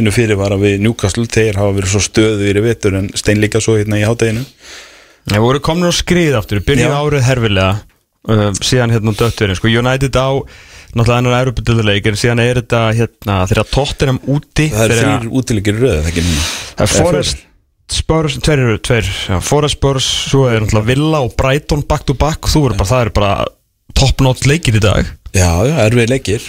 Þetta, þetta verður program hjá þeim. Mm. og við skulum orða það þannig, það er, það er sjens, tóttina voru náttúrulega að losa sig við stjóran sinn og ég veginn, mér finnst þetta að vera voðalega andlust hjá tóttina, ég skil ekki alveg af hverju þeir eru í þessum sjens Nei, ég skil það ekki Skilu það enginn, þeir áttu þeir fá, náttúrulega að þeir fá fara gefin endan sennan sigur Móti gegn Brighton, Brighton já. sko, just, þeir eru áttu í raunin að tapa. Uh, en þeir eru þarna og þetta er sjens og, og þetta er opið fyrir Tottenham og þeir hafa alveg gert áður að taka þetta af annarkvort Newcastle eða, eða United en, en þetta verður bara þryggjalega barótt þarna og, og smá brekka, þetta er alls ekki sjálfgefið fyrir United að klára þetta Svo sveitið að fylgjast með þessu og segir það er bara þessi lið geta mistið þessi hvar sem er og hvena sem er sko. Já. Þessi lið sem er að bærast um mistaldildar Þetta er svolítið þannig, við erum að horfa á sko, þú veist, hérna Holland og, og, og Martinelli eru komni í mark og byrjaðar að, að bara vöka sig og, og slaka á tegja á meðan að næstu þrýr eru svona haldrandi í loka beiguna og hérna, við erum svolítið þar sko. Og hérna, þetta er, þetta er einhvern veginn þetta lítur ekkert glæsilega út fyrir neitt af þessum þremur liðum. Kannski, kannski helst Newcastle þrátturinn að leik í dag. Við skulum sjá hvort að þetta sé merki um eitthvað stærri hjá þeim eða, eða, eða hvort þeir bara hristi þetta sér á heima til næsta leik. En, en já, þetta er eitt, eða tvö af þessum þremur hýrða mistardildasæti, ég myndi ekki veðja á Aston Villa þar, af því að þeir eru búin að spila mikið fleiri leiki, en þetta sýnir sér líka bara þessi liður í þessu sjensa því að, að, að hérna annað af tveim bestu liðum í Englandi er ykkur staðar bara út á túnni já, Við fórum yfir á það. Já, þú veist, annars væri þessi þrjúlega berast um mitt sæti. Herru, það eru stundismenn Arsenal núna byrjaðar að skalla útvarpið. Hvernig ætla að tala um besta liðið? Á Breitlandsegjum 23, 4, 3 30 leikir spilaðir loksist töpuður stíi eftir að unni 7 leiki í röð. Já. Er Arsenal að fara að klára þetta? þeir eru nú sjöröð Mm. þeir eru búin að magnaðir og toppnum í allan vetur. Mm. Ert þú einn af þeim sem hefur ekki trú? Og svo gera þeir jafntefli í Leopold Mm. og þá eru þetta ekki lengur í þeirra höndum. S uh, ef að City vinnur rest og vinna þeir titilin að því að City, eru, City geta verið þreymur stöðum fyrir neðan á. En eiga einbyrðisleikin á Etihad. Að þeir vinna einbyrðisleikin þá fara þeir upp fyrir á markatölu. Sko markatalan er, það munar ekkert á miklu sko. Þannig ef Arsenal vinnur allt eiga eftir og tapa á Etihad, vinna rest annars ætti í deildinni. Og þá segi ég bara ég ætla ekki að fara aftur í hérna, ég held ég sé búin að taka núna tvist röð hérna sömu ræðuna um City, ég ætla ekki að fara í hann aftur en þú veist, þá segi ég bara við Arsenal menn velkonir í okkar heim. Þið Já, eru á en marka- norður fyrir 90 stíðin og það er ekki örugt að því séu að vinna þessa deild og það er galið. Sko markatalan er ekki ja, galinn og fólk heldur sko. Nei, nei, Þegar að vera átt ykkur á því en ef þú tapar hvað á er bæði lið vinna leikina sem þeir eru eftir það er- það er- erum að gefa okkur það mörk. og tapa svo fyrir City Mm. þá þar, þar er markadalan ennþá meira City í það sko. En þetta er bara spennandi. Það, þessi bæði þessi lið eiga leiki eftir fram á vorið, uh, fleiri heldur en bara þennan innbyrðisleik, þau eru bæði búin að vera á svaka sigurgöngu þangað til, þangað til Arsenal gerði þetta eina jafntöfli líta bæði svakalega vel út uh, fyrir utan þennan klukkutíma ámfíld sem ég ætla svona að afskrifa meira sem, sem anomaly hjá Arsenal heldur en eitthvað hruni eitthvað svoleið sko. Arsenal, alveg svo að Liverpool fekk núna þessar þrjá stórleiki á áttandum til að berga tímbilinu sínu Já. að þá eru þeir að fara í vestam í dag Arsenal. Nei, fyrir ekki á morgun, klugan Já, eitt og, og Eh, vitandi það mæntalega sitt ég eru búin að leggja lestir í dag Ansi- ansi líklegt. þannig að þá pressa hann enn og aftur á þeim. Svo er hann að Gimme 5 leikur um aðra helgi þegar þeir mæta hérna á heimavalli, það verður easy. En svo kemur þetta Þetta er endur aðeins lengra spani heldur en Liverpool fekk þess að þrjá sína leiki 8 dögum. Frá 27. apríl er það City Arsenal live under the lights og Etihad leikur leikjana á þessu tímbili honum fylgir það sem að eru auðvitað á pappir auðveldur leikur í dag en er ekki auðveldur því að þetta er Derby, Arsenal-Chelsea, annan mæ og viku eftir það Newcastle away. Þarna getur bara verið. Af því að ef þeir komast í gegnum þetta ef ennþá með fórskot Jafntefla eftir þetta og vinna hinn og tvo þá taka þér hennar titil já, af því að rönninni er það er Bright, það sér þurfa já, rönninni er Brighton heima sem að þú veist Brighton verða átnir sáttir þá Já. skilur við, uh, Forrest úti sem verða fallnir þá og Úlfarnir sem verða sáttir. Já, en sko tap og eftir þetta og þá allt í hennu verða hinn tvei leikirnir alveg svakalega þungir. Emmitt þá er þetta hrista þér sleni eftir kannski tap og tapið. á, á móti Chelsea og Newcastle. Það verður bara mjög erfitt. Mjög og, og ég kannski set varnaklega við Chelsea við vitum ekki hversu mikið þeir eru að leggja í leikin á þessum tímapunkti, Nei. þeir sitja náttúrulega bara döðir um með að deild hvort að menn eru bara fratni í sumafrí annað en segjum nú gest hjá liðum sem eru svona vonbriðali ásins en, en þetta eru samt stóri leikir og þarna munum við bara svolítið sjá þetta. Ef Arsenal, við skulum orða þannig ef Arsenal eru ennþá á toppnum eftir þessa leiki þá er munum óhætt að fara að panta rúturnar og, og plana svona hérna parade þó svo að geta náttúrulega allt gerst í loka umfrunum að þá fyrr myndi ég ekki fara að segja ok, nú fyrir við að prenta bóluna en eftir það setja allt í pöntun ef. Já, þægilegt að það er svolítið þannig, þetta er vikan sem skýr hún. Titillin fer allan á loft í London. Það er ljóst, þegar sitt í spilar síðasta leikin sinn. Ef þetta verður ennfrá baróta í síðustu umfyrinni Þá eiga þeir uh, útileikin Brentford. Já, það er ekki þyrla á þetta, það er bara að vera með lögreglubíl Ég held að það Sem betur keyra að vera með þyrlu Í ljósi þess að Tottenham Bormóð Hann hefst uh, kortir yfir tvö Já, Út af því fyrirbæri sem ég hata hvað mest í á jörðinni sem er traffíkin í London Já.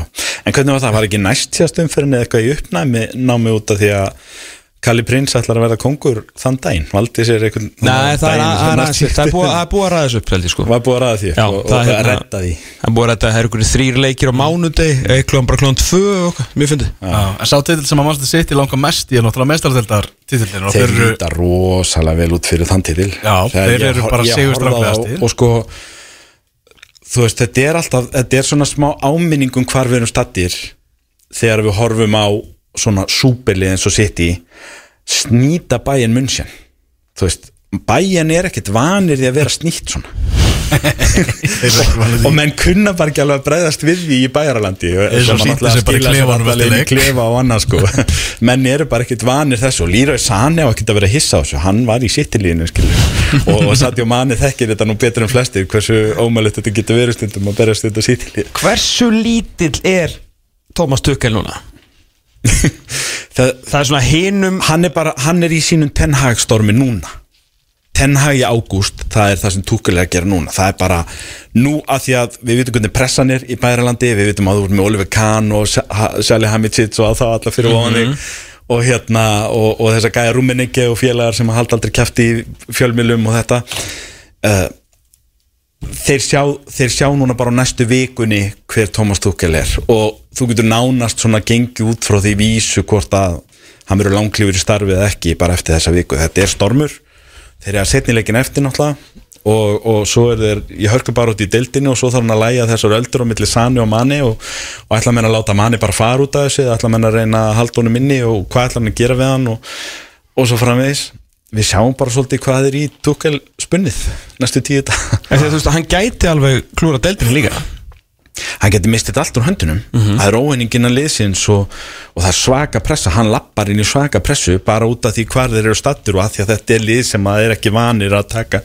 Menn, menn þarna afsaka ekkert og segja brekka hann var að taka við, þurftum að reyka hinn.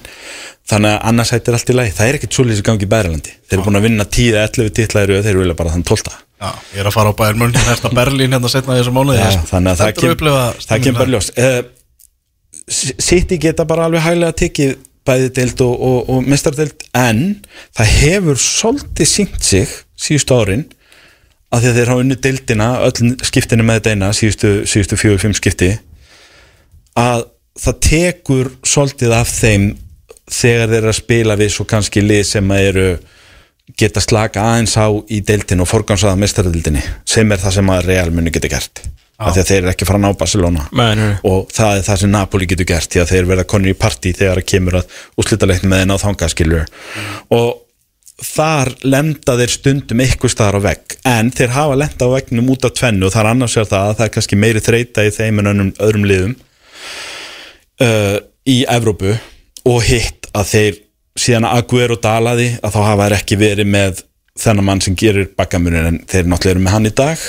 Og kannski er það Arsenal í hag ef að City segja, herru, við erum búin að vinna fjóra síðustu fimm í deildinni. Leifum Arsenal að eiga sín dag í solskinnu og setjum allt kapp á mistadeildina, við erum konur í undanúslindina ef við klára bæinn í næstu umferð eða núna í næstu auku, konur í undanúslind setjum allt kapp á það, það er það sem skiptir máli. Það gæti verið sérstaklega, ég, ég gæti alveg ímynda mig til dæmis að, að þessi leikur City Arsenal, ef að City vinnur hann ekki að þá spóliði þessi bara niður í deildinni og segir bara, ok, nú skiptir hitt máli nú kvíli ég fyrir mestardildina en ekki auðvitað Mm, Þetta verður svakalega spenna. Ertu með velun á þetta í dag? Já, ég er alltaf með hana. Hendu, hendi velun. Grýttu velunum út hérna. Já, Bara, bara lið liði fjórungs. Já Þriðja fjóðungs lið þriði fjórungur og ég var hérna síðast í sent í januar og, og til áreitingar að því að ég fæ stundum að þá sendur á það skil ekki allir, ég vel lið afsins í lokin. Nú er ég bara að skoða hvað menna á að geta síðan ég var hérna síðast. Já, þetta er svona 9-10 leikja span. Já, cirka bát. Uh, og ég áreita það mjög ákveðin ástæða því að það er ákveðin leikmaður sem kemst ekki í liði hjá mér akkurat núna.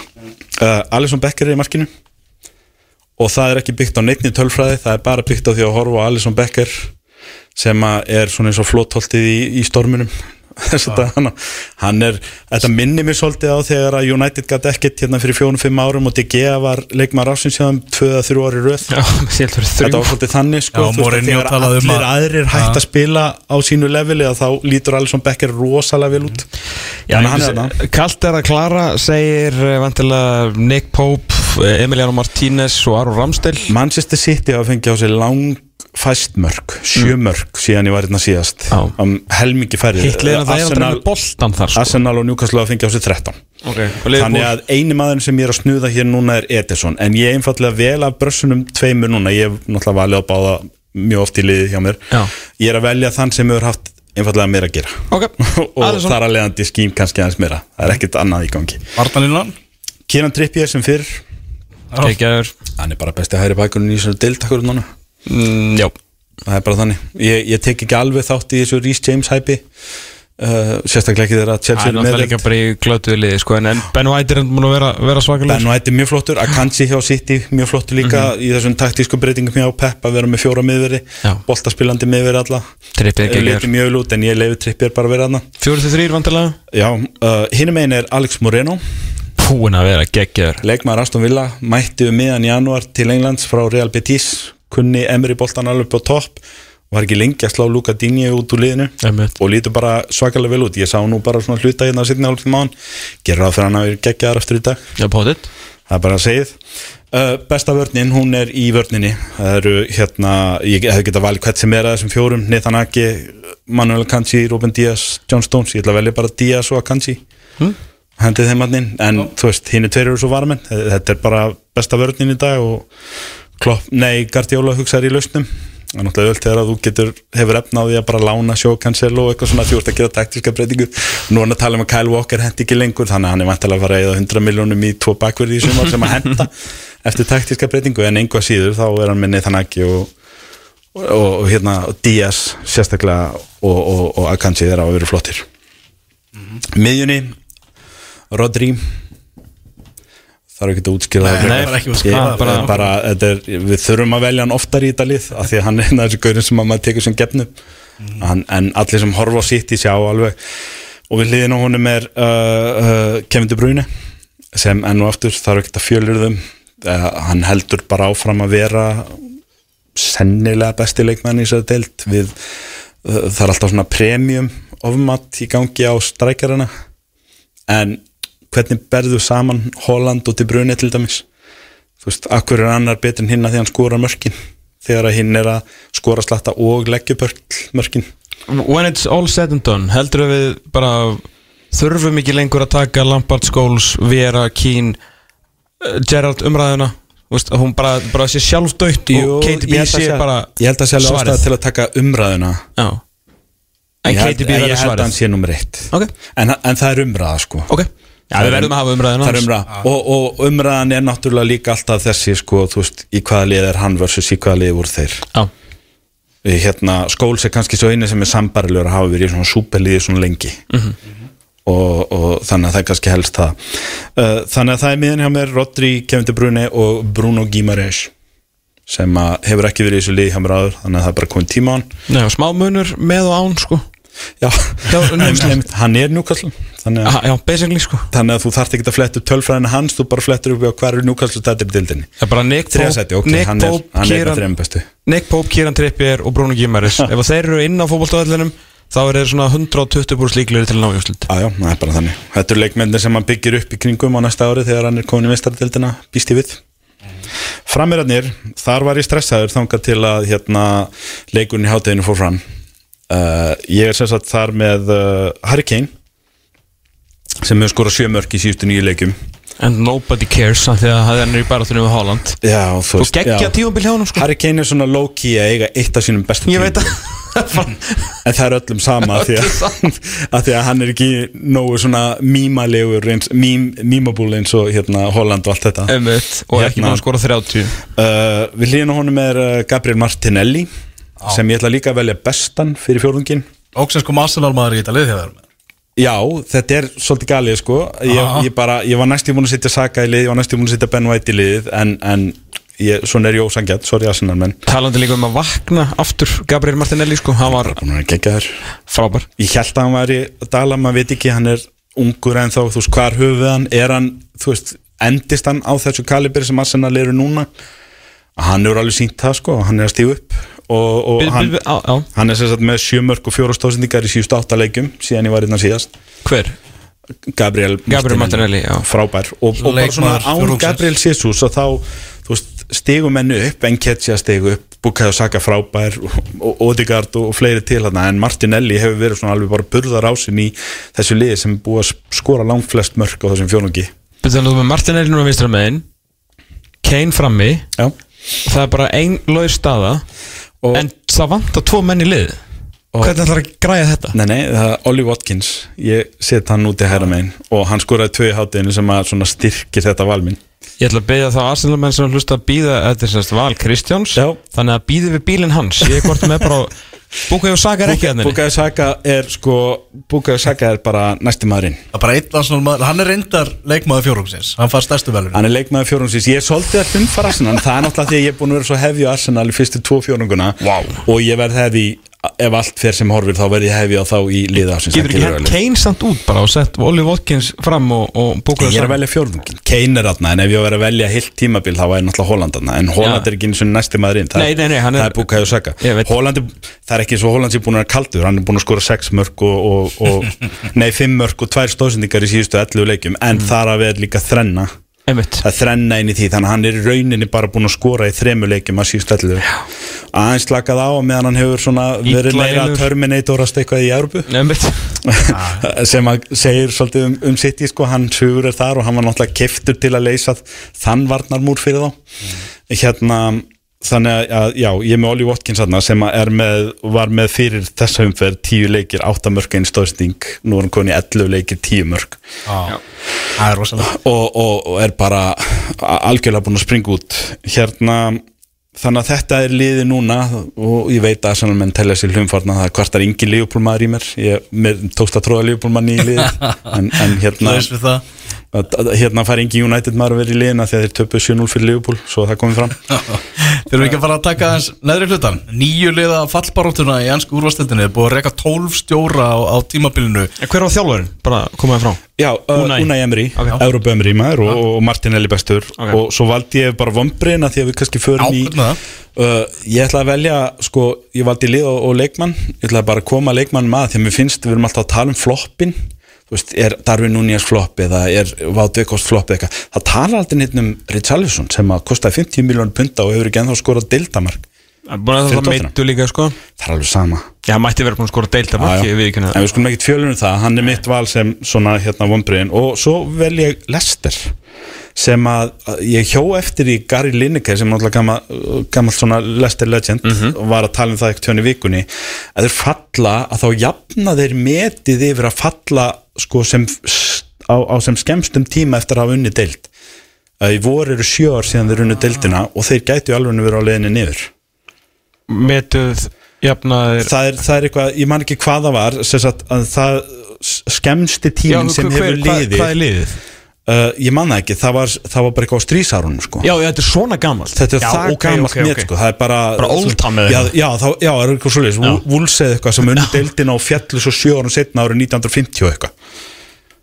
Eitthvað svolítið og þeir gætu verið að jafna það met núna eða þeir fara niður, þetta er klubbur sem að vann deildina fyrir meistaradeild og allan peningi sem því fylgir, selja leikmenn hérna og fá pening fyrir það Engol Kamte og, og Ríad Maris og fleiri sem eru seldir hérna og annað og þeim hefur bara ekkert tekist að byggja upp á því. En þetta náttúrulega leit rosa vel út. Brenda Rodgers í tvö röð klúðraði því eiginlega á lokadeginum að koma sér inn í meistaradildina en vann svo byggar sem er náttúrulega geggjað, þetta er ekki klúpur sem vinnur margadollur en svo bara síðustu tvö árun hefur bara fjara rætt undan þessu og þessi klúpur er, þeir eru næst neðstir akkurat núna. Og ég alltaf þegar ég horfa á Lester þá bara þá horf ég á þetta og segi bara þetta make a sense, þetta er ekki lið sem ég finnst vera á raungum staði í dildinni, þetta er bara ekki betri leikmannófur, þú veist, þeir litu Kasper Smækkel fara til dæmis síðasta sumar og settu bara varamartmannin inn. Og það segir svona þú veist og, og nú er ég Liverpool maður og Danny Ward var í Liverpool skilju, ég hef, ég hef alls ekkert á móti Danny Ward en hann er bara, það er ástæði fyrir því að hann satt á bekknum hjá Liverpool og fór svo til Leicester til að sitja á bekknum hjá þeim.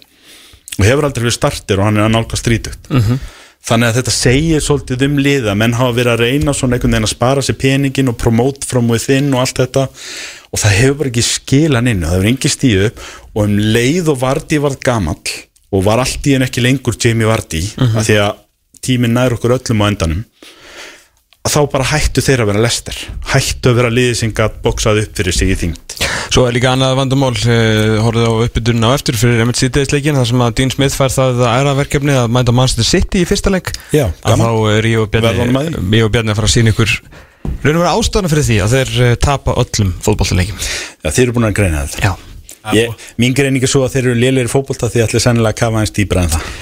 Það er basically það Nei, það er varnarmistök sem að leiða á skotum og mörgum er bara unbelievable. Já, Við erum að fara að sína ykkur klippur og eftir sem að bara, þú veist, þetta er eins og Bjarni orðaða vel uh, fýblægangur Það er bara þannig. er Þeir eru bara að gefa sér Það er bara þannig. Heldur að lestu falli Þeir falla. Sáþánt og funniður Ég held að Sáðhantun og Lester séu alveg niður Já, það er því miður. Þetta er baráttan um síðasta setið. Sko, Og þar eru alveg þrjú fjögur liði baráttu sko.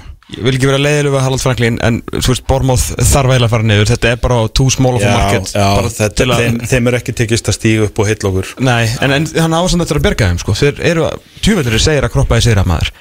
Uh. Byrðu hvað það eru? Sound og Lester Sáðhantun og Lester niðri Svo er náttúrulega Nottingham Forest í fallsæti. Forrest við niður. Uh, Þeir hanga á, á Þá er þetta bara komið. Everton hangir upp á líginu núna á Everton markatölu vinnur og, gegn- Everton vinnur og eftir. Já, ég, sko ég- uh, Jú, þeir gæti alveg fara niður. Þeir eru búin að uh, bjarga sér þarna tvö ári röð og nú gæti verið komið að því. En ég, Um, bara, Lester er, ég veit ekki hvernig Lester á að berga sér sko.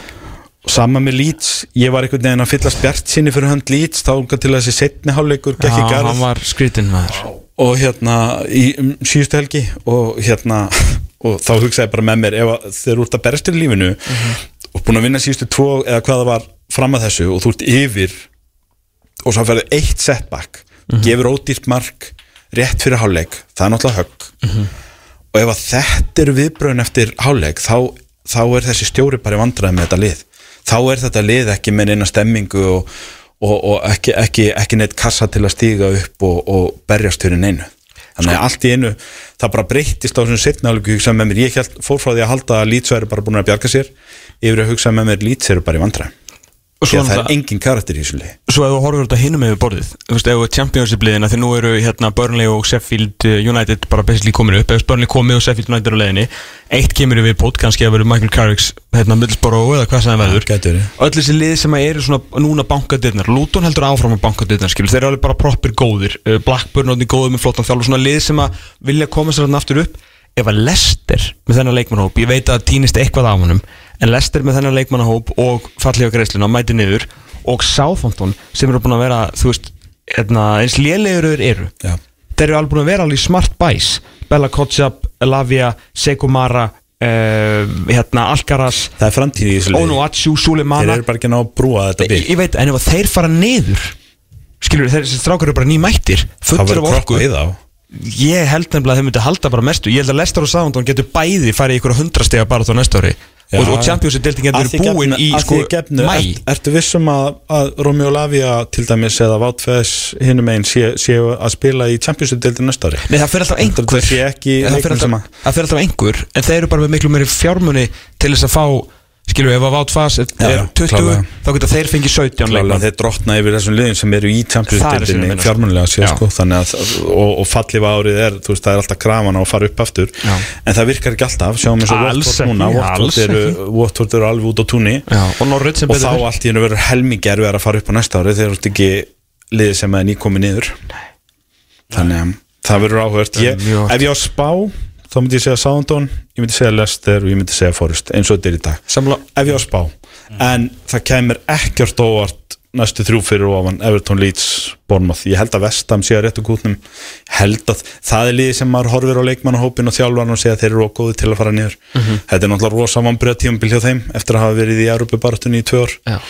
en uh, og sennilega eru þeir að kveðja David Moyes í sumar. Ef þeir eru smarta þá eru þeir kannski byrjar svona allavega lítið kringu sig hvort þeir geti fundið fer alltaf í svona næsta, næsta þjálfara sem getur komið með mennþóar að því að við vitum hvað hans svona glerþak er. Algjörlega. En já, ég, ef að þessi þrjú sem eru neðst akkurat núna færu niður það kemur ekki upp. Það eru náttúrulega nokkri leikir, fimm leikir sem eru að byrja núna eftir nokkra mínútur. Manchester City, Leicester er, er sítiðasleikurinn í dag. Vestam Arsenal á morgun.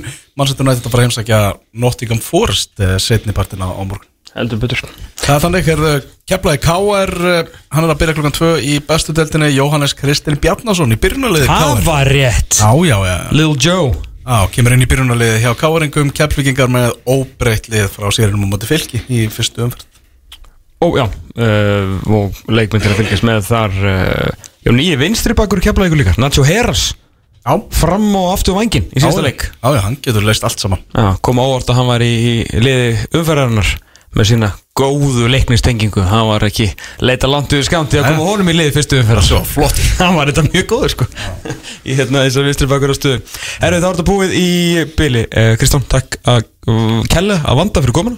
Alltaf heiður að fá þig. Við fórum yfir uh, og, við fórum yfir gilva, við fórum yfir bestu og núna tókum við klukkutíma í enska ringborðið Allt þetta kemur inn á hlaðvarpsveitur og streymi og hvað allt sem að krakkarnir kallaði þetta í dag. En við verum hér aftur til 6 og 22 tíma þangað til, verið sæl